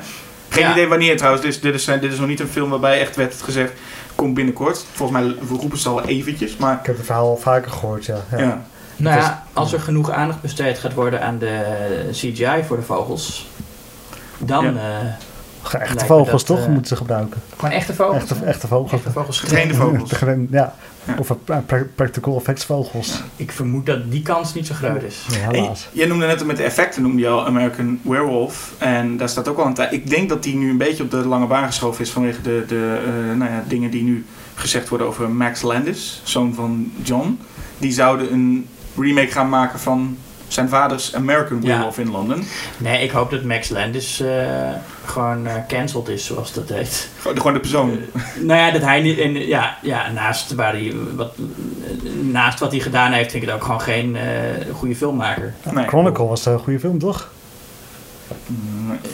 Ja, Nee. was, nou, toen ik dat dag, zag, dacht ik, oh, dat is een nou in de gaten te houden, die, eh, die eh, Max Landis. Maar ja, daarna is het Maar het is wel een beetje, in de gaten houden, voor, vooral voor, eh, voor, eh, voor vrouwen. voor, de, voor de overheid in Amerika. Maar, maar sowieso gewoon het feit dat American Werewolf in Londen, die film, ik ook onlangs nog weer gezien heb en denk, deze film is, het is geen, bijna het is geen seconde gedateerd. Nee, Ja, het is wel een beetje seksistisch en zo. En, Ah, lekker toch? nee, ja. Dat, dat zou je dan anders willen. willen, willen. ja, dat zou wel, dat, dat, dat vriendinnetje, zover ik me van, van ik herinner, heeft het vriendinnetje zo'n, ja, dat is dan zo'n rol als, je, als we het net hadden over Night of the Living Dead, alleen maar een beetje nutteloos eh, toekijken. En, ja, Ja. ja. Ik herinner me haar ook niet zo goed. Nee, Als ik aan die film en- denk, en- denk ik nooit aan haar. Nee, precies. En meer zo dat, dat, dat meisje dat alles doet voor de... eh, Ja, terwijl, het wel, terwijl het wel de bedoeling is dat het een personage is waar je iets om geeft. Want Ja. haar rol uiteindelijk bij zijn einde is ook... Dat zou je eigenlijk meer emotioneel moeten raken, Ja. heb ik het gevoel, dan het, dat het op dit moment doet. Dus daarvoor zou je dan nog een remake om, de, om meer de tragiek van die relatie nog te benadrukken. ja, Hey, laat opzommend. eh, de moeilijkste vraag altijd als we gewoon kijken. Remakes, reboots in het algemeen. Wat, wat, wat, Wat vinden we ervan? wat vind je ervan? Is, is, het, is het goed? Is het slecht? Is het... Is het Ja, mensen zeggen natuurlijk heel vaak van dat ze, ze moeten weer eens met nieuwe ideeën komen en niet altijd maar alles willen remaken. En ik denk dat dat, ehm, dat, dat is wel zo, maar ik denk niet dat het gebrek aan nieuwe ideeën nou per se zo zit in dat, dat alles geremaked wordt. Want zoals de remakes van Suspiria en, en, en ook vroeger al The Fly en zo lieten zien, kun je best nieuwe ideeën stoppen in een remake. En zoals films als Pacific Rim van Guillermo del Toro laten zien, kun je ook best eh, een, een, een niet-remake maken die nergens op gebaseerd is, die toch een ontzettend clichématige film is. Ik vond hem trouwens heel leuk, Pacific Rim, maar het is, niet, het is, het is gewoon is een verzameling eh, ideeën die al eerder uitgevoerd zijn. wel een soort van eh, geïnspireerd op bekende eh, anime-series en films, eh, zover ik begrijp. Dus dat betreft, Nou ja, ja, dat goed. ja, natuurlijk, maar, ja, maar ook, maar ook ja, Godzilla zit Ja. erin en, en, en die ja, grote robots zijn natuurlijk ook, eh, die, zie, die zie je veel in, in anime en Ja. manga. Ik moet wel Ehm. zeggen, al die mensen die je zegt, hè, alle mensen die zeggen er moet meer, origineel, eh, moet meer origineels gemaakt worden. Misschien moeten die mensen überhaupt eerst stoppen met naar de bioscoop gaan, naar remakes. Want dat, dat- volgens mij gaan de meeste mensen alsnog wel naar de remakes toe. En Ja. veel geld betekent toch dat er meer komen. Dus dat is al een eerste wat mensen dan moeten doen. Ik ben er zelf niet op tegen trouwens. Ik vind remakes eigenlijk vrij onschuldig. Een beetje het gevalletje, de het origineel bestaat ook. En ik ben vaak wel benieuwd wat men dan Ja, ermee gaat doen. Het enige wat ik soms jammer vind, onlangs nog, was dat een reboot vaak zorgt voor dat een oude serie, ook, of een remake of een reboot stopt, dat, dat de oude serie stopt. Zoals bijvoorbeeld Hmm. bij Hellboy. Waarbij ik dacht, oh, ik, ik heb wel zin Ah, ja. in nieuwe Hellboy-films. Dat gaat nu helemaal niet meer gebeuren, maar het ging al niet gebeuren Ja, omdat er gewoon ja, ja. een reboot kwam en dan, ja, die stopte dan toch voor. Ja dat weet je. Er is ook vervolgens door originele Halloween gekomen terwijl er remakes waren. Dus, ja. Dat is waar. Ja. Dat is waar. Dus dat En, zou... en Child's Play gaat nog steeds lekker door. Trouwens, ook trouwens, wat ik net zo nog te denken, een voorbeeld. Jij noemde volgens mij is dat de enige serie eh van Charles Play die eh, Mhm. inderdaad, terwijl de oorspronkelijke serie nog loopt, maar dat is ook met de, de George Romero's eh, zombie. oh ja, maar, ja, inderdaad, ja, klopt. Ja. Ja. Ja. Oh ja. Nou, en dat vind ik eigenlijk misschien nog wel het leukste geval. Het feit dat gewoon een oude serie lekker doorloopt en ondertussen gaat er een reboot versie verder. Ik bedoel, dan hebben we alleen nog maar meer films en dan meer kans dat er ook iets stofs tussen zit. Toch? ja. Zegt iemand die net eh, eh, Puppet Master deel 14 heeft gezien. Een reboot die de leukste was van de hele serie. Dus ik denk, oké, er is ook er is vertrouwen in, in een reboot. Nou, 14 films kan nog steeds de beste Ja. verschijnen. En, eh, ja, ik, ik ben eh, ik heb niks tegen remakes. Ik bedoel, het is af en toe, of ja, best vaak eigenlijk, word je best wel positief verrast. Als, ja, wat je dan noemde, eh, in die ja, begin 2000 eh reeksen van remakes van slashers eh, en, en horrorklassiekers zaten best wel wat aardige. Zoals ja, die Dawn of the Dead, eh The Hills of Ice, over van Alejandro Aya, waar ik zo meteen nog iets over ga zeggen. en eh, ja, die Texas Chainsaw Massacre kan ik me herinneren dat ik die ook nog wel aardig vond, geloof ik. Nou, ik ben niet heel erg memorabel. Maar goed, het, het, het- ja, het kan dus best. En ik denk van ja, weet je, doe er iets nieuws mee. eh, doe- doe, je eigen ding. En dan, eh, ja, ik ga wel kijken. Nou, Liewe gaat wel kijken. Ik ga wel Dus kijken. dat moet genoeg aanrijding zijn voor om gewoon door te mee te gaan, Ja, toch? jongens, doe het gewoon. Nieuwe gaat kijken. Ja. Nou, dan stel ik voor dat wij over vijf jaar gewoon deze podcast, deze aflevering gaan remaken en gaan we kijken of we nog steeds zo positief zijn. Maar Ja. goeie, dat is een goed idee. Ja, doen we dan ook met andere acteurs en met een eh, ander... ander, ander- Ja, één personage, één van ons is wel gewoon terug. Dat is een soort, dan noemen we het ook spin-off. Ja, Ja. maar de rol van Julius Koetsier zal gespeeld worden door eh, eh, iemand anders. Bariatsma. Ja. Het lijkt me een uitstekende keuze. Oké, dan stel ik voor dat we nu gaan luisteren naar eh, nu nog gewoon Hedwig, maar in een remake misschien eh, ook iemand anders. Maar nu is het nog gewoon Hedwig. Dit is Hedwig met Blast from the Past. Als je deze podcast luistert, dan luister je dus regelmatig naar Julius. En nou ja, dat doe ik ook. Niet alleen op de podcast, maar ook als hij schrijft. En in zijn eh, recensie van Aladdin, die niet bepaald positief was, had hij het over hoe fantastisch The Thief of Baghdad was. Nou ja, die had ik nog nooit gezien, dus ik dacht misschien is dat dan wel een mooie voor de volgende Blast from the Past. En dat was het. Ik werd eerst wel een beetje afgeschrikt door de lengte, want het is een film van maar liefst 2 uur en 20 minuten. En dan ook nog zonder dialoog. Maar The Thief of Baghdad weet echt continu te boeien. Het is een avonturenfilm die inderdaad precies zo goed is als in die recensie wordt gezegd. De film kwam uit in 1924 en werd geregisseerd door Raoul Walsh. Dat is een regisseur die later ook in het geluidsterperk nog veel eh, memorabele films maakte. Uh, High Sierra bijvoorbeeld, met uh, Humphrey Bogart en Ida Lupino. They Drive By Night, ook met die twee. En White Heat, met James Cagney. En je moet hem maar eens googlen, want hij verloor eind jaren twintig zijn rechteroog. Dus er zijn een heleboel plaatjes waar hij als een soort piraat met een ooglapje oploopt. De dief van Bagdad uit de film Ahmed, die wordt gespeeld door Douglas Fairbanks. Die heeft helaas de overgang naar geluidsfilm uh, minder goed weten te maken. Maar in de jaren twintig was hij een van de grootste sterren. Hij was ook uh, samen met Charlie Chaplin en D.W. Griffith en Mary Pickford, met wie hij later nog is getrouwd, een van de oprichters van United Artists, een studio waar de artiesten centraal moesten staan. Fairbanks stond vooral bekend uh, om zijn swashbucklers. Altijd een fantastisch woord gevonden. En hij, had, uh, hij was vooral heel atletisch. Dat zie je ook in, in The Thief of Baghdad goed terug. In de film zien we Ahmed aan het werk. Hij steelt van alles, waaronder ook een magisch touw. En met dat touw weet hij in te breken in het paleis. En daar ziet hij een slapende prinses. En zoals het gaat in dit soort films is hij dan in één klap verliefd. Hij verkleedt zich als prins en dan uh, dinkt hij mee naar haar hand samen met drie andere prinsen. En nou ja, de prinses uh, kiest voor Ahmed, maar hij wordt al snel ontmaskerd door een kwaadaardige Mongoolse prins die er ook is en gearresteerd. Met behulp van de prinses ontsnapt hij dan en zij uh, schrijft een soort wedstrijd uit. Wie de mooiste schat kan vinden zal haar hand winnen. En er worden allerlei schatten gevonden in de film. Een magisch tapijt, een kristallen bol, een appel die alles kan genezen. Er is een soort magisch poeder waarmee je van alles kan oproepen. En is zelfs een heuse onzichtbaarheidsmantel. Nou, wat het alles natuurlijk vooral levert is een uh, excuus voor hele mooie uh, effecten. Echt magische effecten. En hier wil ik dus even kans grijpen om toch weer een pleidooi af te steken voor het kijken van oudere films. En zelfs dus 95 jaar oude films, zoals deze. Want wat ik vaak mis bij films van tegenwoordig is een gevoel van verwondering. Je kan tegenwoordig alles uit de computer krijgen. En ja, dan is niks magisch meer. Je hebt niet zo vaak meer dat je denkt van hoe hebben ze dat nou gedaan? Want het antwoord is altijd gewoon ja, CGI. Je hebt het nog wel af en toe hoor. Ik, uh, de laatste Mission Impossible had ik het een paar keer. En uh, in John Wick 3, Parabellum, zit zo'n shot waar er dan een hakbel wordt gegooid van de achtergrond naar de voorgrond. En die eindigt dan in iemands schedel. En ik dacht echt, hoe hebben ze dat nou gedaan? Maar bij The Thief of Baghdad heb je dat gevoel dus echt Ja, natuurlijk. Die eh kristallen bol, dat is gewoon double exposure.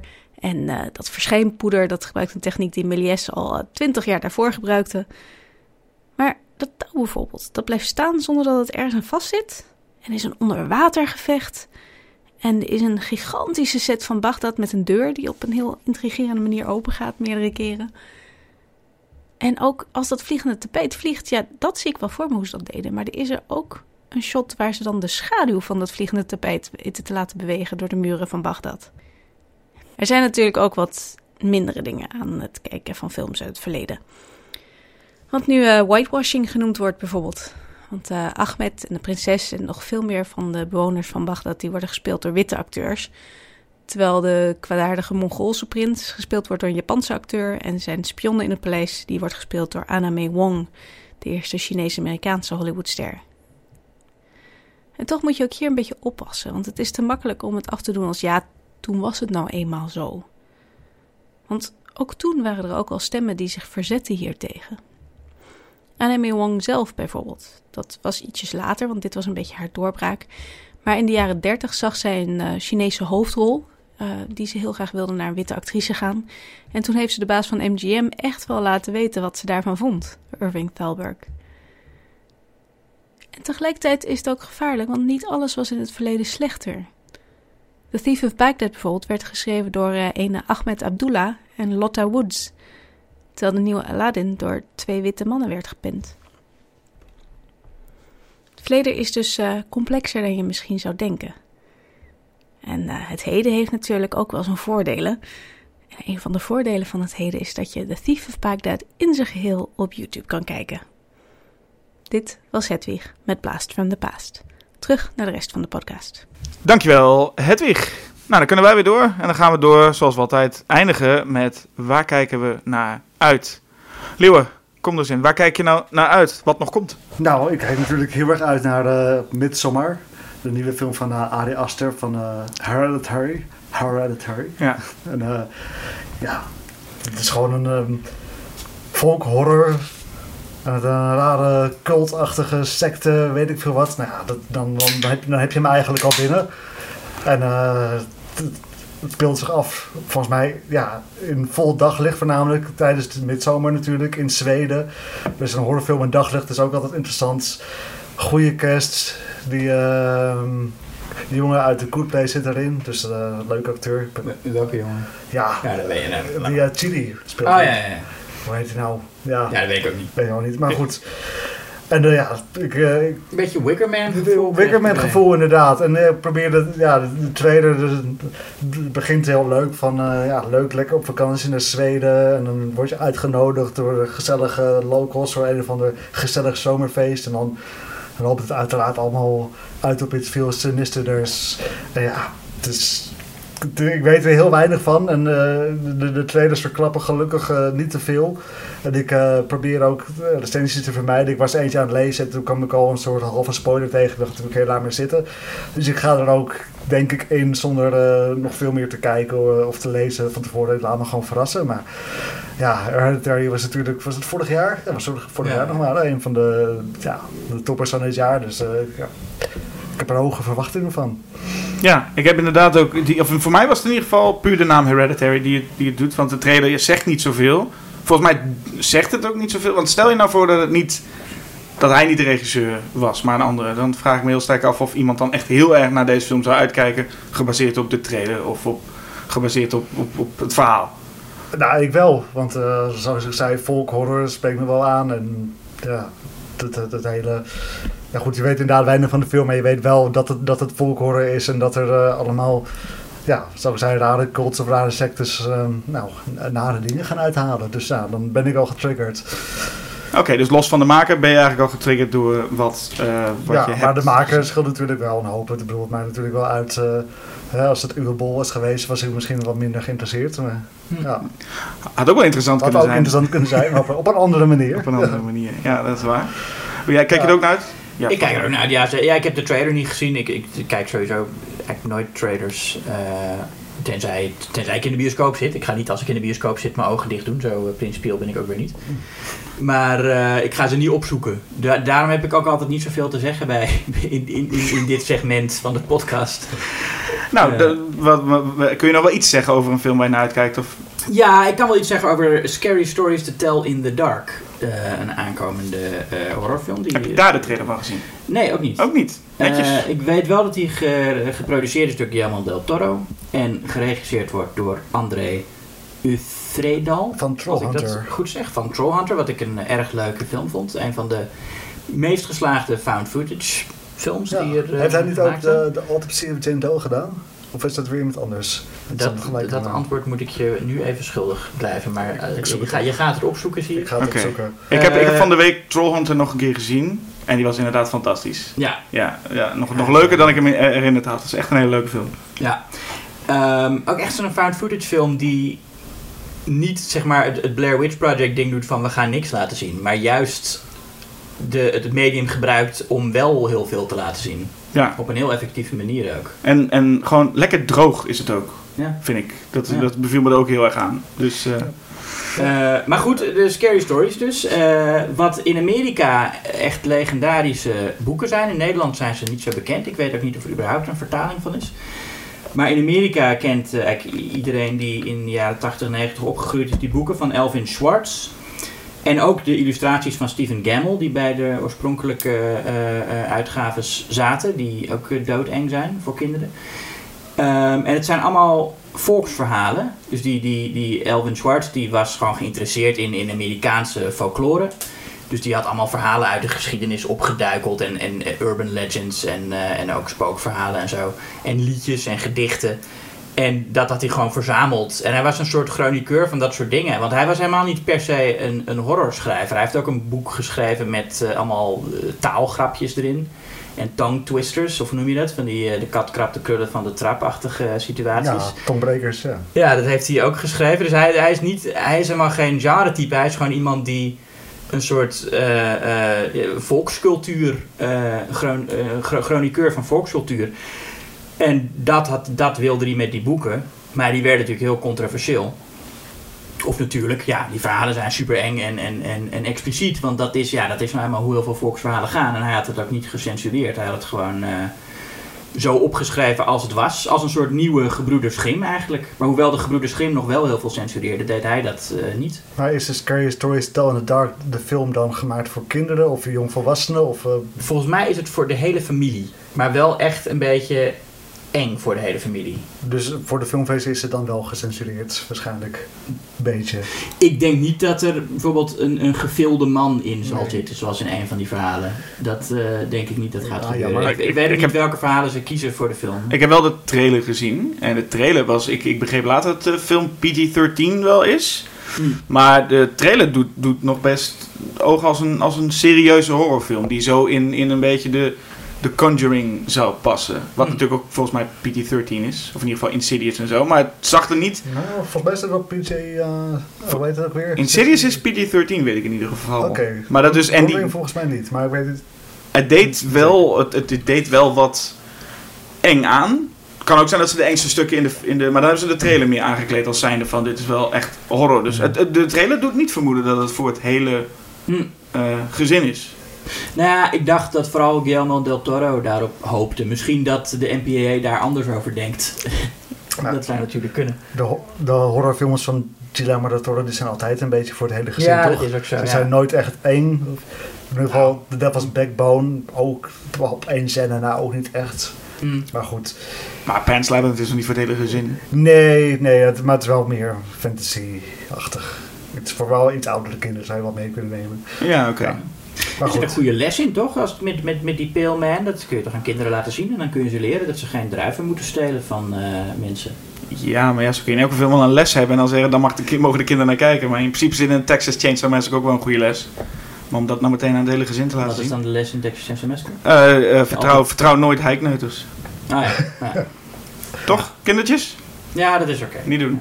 En, ehm, oh ja, nou ja, ik, ik, ik had een paar, een paar opties die ik eventueel wel, wel leuk leken. Want ik zag dus, voor Charles Play zag ik een paar van die trailers. En eentje was Crawl. En daar had jij, Lieber, toch ook, eh, zo, die, dat- had je ook Ja. wel zin in, toch? Daar heb ik zeker zin in, want het is, ja, het is alligator horror. En eh, kijk, hoe vaak zien we nog alligator horror in de bioscopen? En ja, het is al sinds eh, Paranormal Activity en Insidious en The Conjuring allemaal zulke grote hits zijn geweest, krijgen we bijna alleen nog maar van die paranormale horror volgens Bezeten kinderen, bezeten Ja. poppen, spoken. Ondertussen heb ik er wel een beetje mee gehad, weet je. Dus ik heb het allemaal 300 keer gezien ondertussen. Dus ik ben blij als er weer eens een, eh, een, een slasher komt. Of een alligator horrorfilm. Of eh, hè, noem maar op. En ja, dit is gewoon een... eh, een over, wat is het? Overstroming of zo. Ergens een ramp, een natuurramp. En een huis overstroomt en er zit een alligator naar binnen. En een jonge vrouw zit opgesloten met die alligator. Nou, simpel, maar doeltreffend concept. En... eh, het is van Ja. Alejandro Aga, of Aya, ik weet niet het uit moet spreken. En, Ja. eh, ja, die we dan allemaal kennen van eh, ook Piranha 3D, wat ik ook een heel vermakelijke film vond. Ja. Dit is volgens mij wat, wel wat serieuzer van toon. En hij heeft natuurlijk een, prima remake gemaakt, over remake gesproken, van ehm The Hills of Ice. Ja, gewoon, ja. Ik, eh, ik ben inderdaad, wat je zegt, wel blij met eh, de, de terugkeer van de prethorror. Ook met Child's Play en met, met It ook een beetje. Dat, en het succes daarvan vooral. Dat we eindelijk een keer van die, eh, van die enge kleine spookmeisjes af zijn. En dat er gewoon weer echt films gemaakt worden met een soort respect voor de platte pret die horror ook kan zijn. ja, nou, hoewel ik moet zeggen dat ik dat ik ook heel erg vond inspelen op dat eh jumpscare eh hype. ja, dan En, had dat eh, nog wel. Dat, ja, ja. dat was wel veel inderdaad. Dat was ook van de schrijver van de, de helft van al die... Maar dat is toch niet waar je mensen veel over hoort. Als je het hebt over mensen die it leuk vinden, en daar hoor ik ook wel een beetje bij, dan hebben ze toch vooral over die kinderen en, en die personages. En dat en Pennywise goed gespeeld is. En eh, ja, die film is niet eng of zo. Maar Nee, het is wel een horrorfilm die een beetje plezier heeft met, met, met, met de creatieve eh, ideeën. En, Ja, ik, ik, vond, ik, ik vond het een beetje tegenvallen, maar goed. eh, Dat is een discussie voor een andere is keer. precies, inderdaad. Ik gooi nog één titel pret horror er dan in. The Dead Don't Die. Hm? Komt ook uit. En het, ik weet daar niet veel van. Maar ik weet dat het een zombie comedy is. Van Jim Jarmusch. Met een behoorlijke sterrencast. Zoals Bill Murray en Adam Driver. En eh, ik, had, ik, heb, ik had geen idee. Ik vraag me ook af of deze een grote bioscoop-release gaat krijgen. Maar 25 juli gaat die draaien. Maar gewoon die namen te horen. En, een, en gewoon als een zombie-comedy van Jim Jarmusch. Dat klonk op zijn minst toch gewoon heel, heel, interessant. Ja, ja, hij wordt eh, volgens mij niet zo goed ontvangen. Ik zag op IMDb dat hij een 5,6 heeft of zo. Nou ja, zegt IMDb natuurlijk heel weinig, maar toch eh, verbaasde me dat wel enigszins. Wel, eh, ja, dan de, volgens mij is het weer typisch zo'n film waarbij de, de critici wel positief zijn en, de, en het publiek negatief. Dat, dat, dat heeft ook wel eens andersom natuurlijk. Wat deed, deed me gewoon een beetje denken aan, aan Zombieland. Ook vanwege Bill Murray Vanwege misschien. Bill, ja. Maar ook het, het, het, het principe van een zombie horror met een, met een hele dikke vette knipoog. En Jim Jarmusch schijnt dus best wel een eh, fan te zijn eh, van eh, George Romero's films.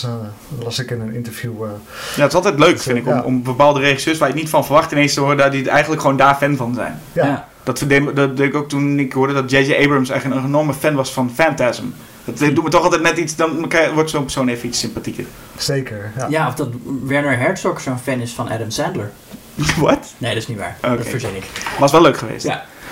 Oké, nou, Is dat niet waar? ik, heb, ik heb het verhaal eerder gehoord Oh volgens ja, mij. misschien is het wel waar. Ik weet het, het zou, het zou kunnen. Je hoort het wel vaak. Ik weet dat Paul Thomas Anderson volgens mij wel echt een fan is van die oude Adam Sandler comedies. Daarom heeft hij hem ook gecast. Oh, de in, verwarring eh, Werner Herzog met Paul Thomas Anderson. Ja, Ja. eh, begrijp ik de verwarring natuurlijk.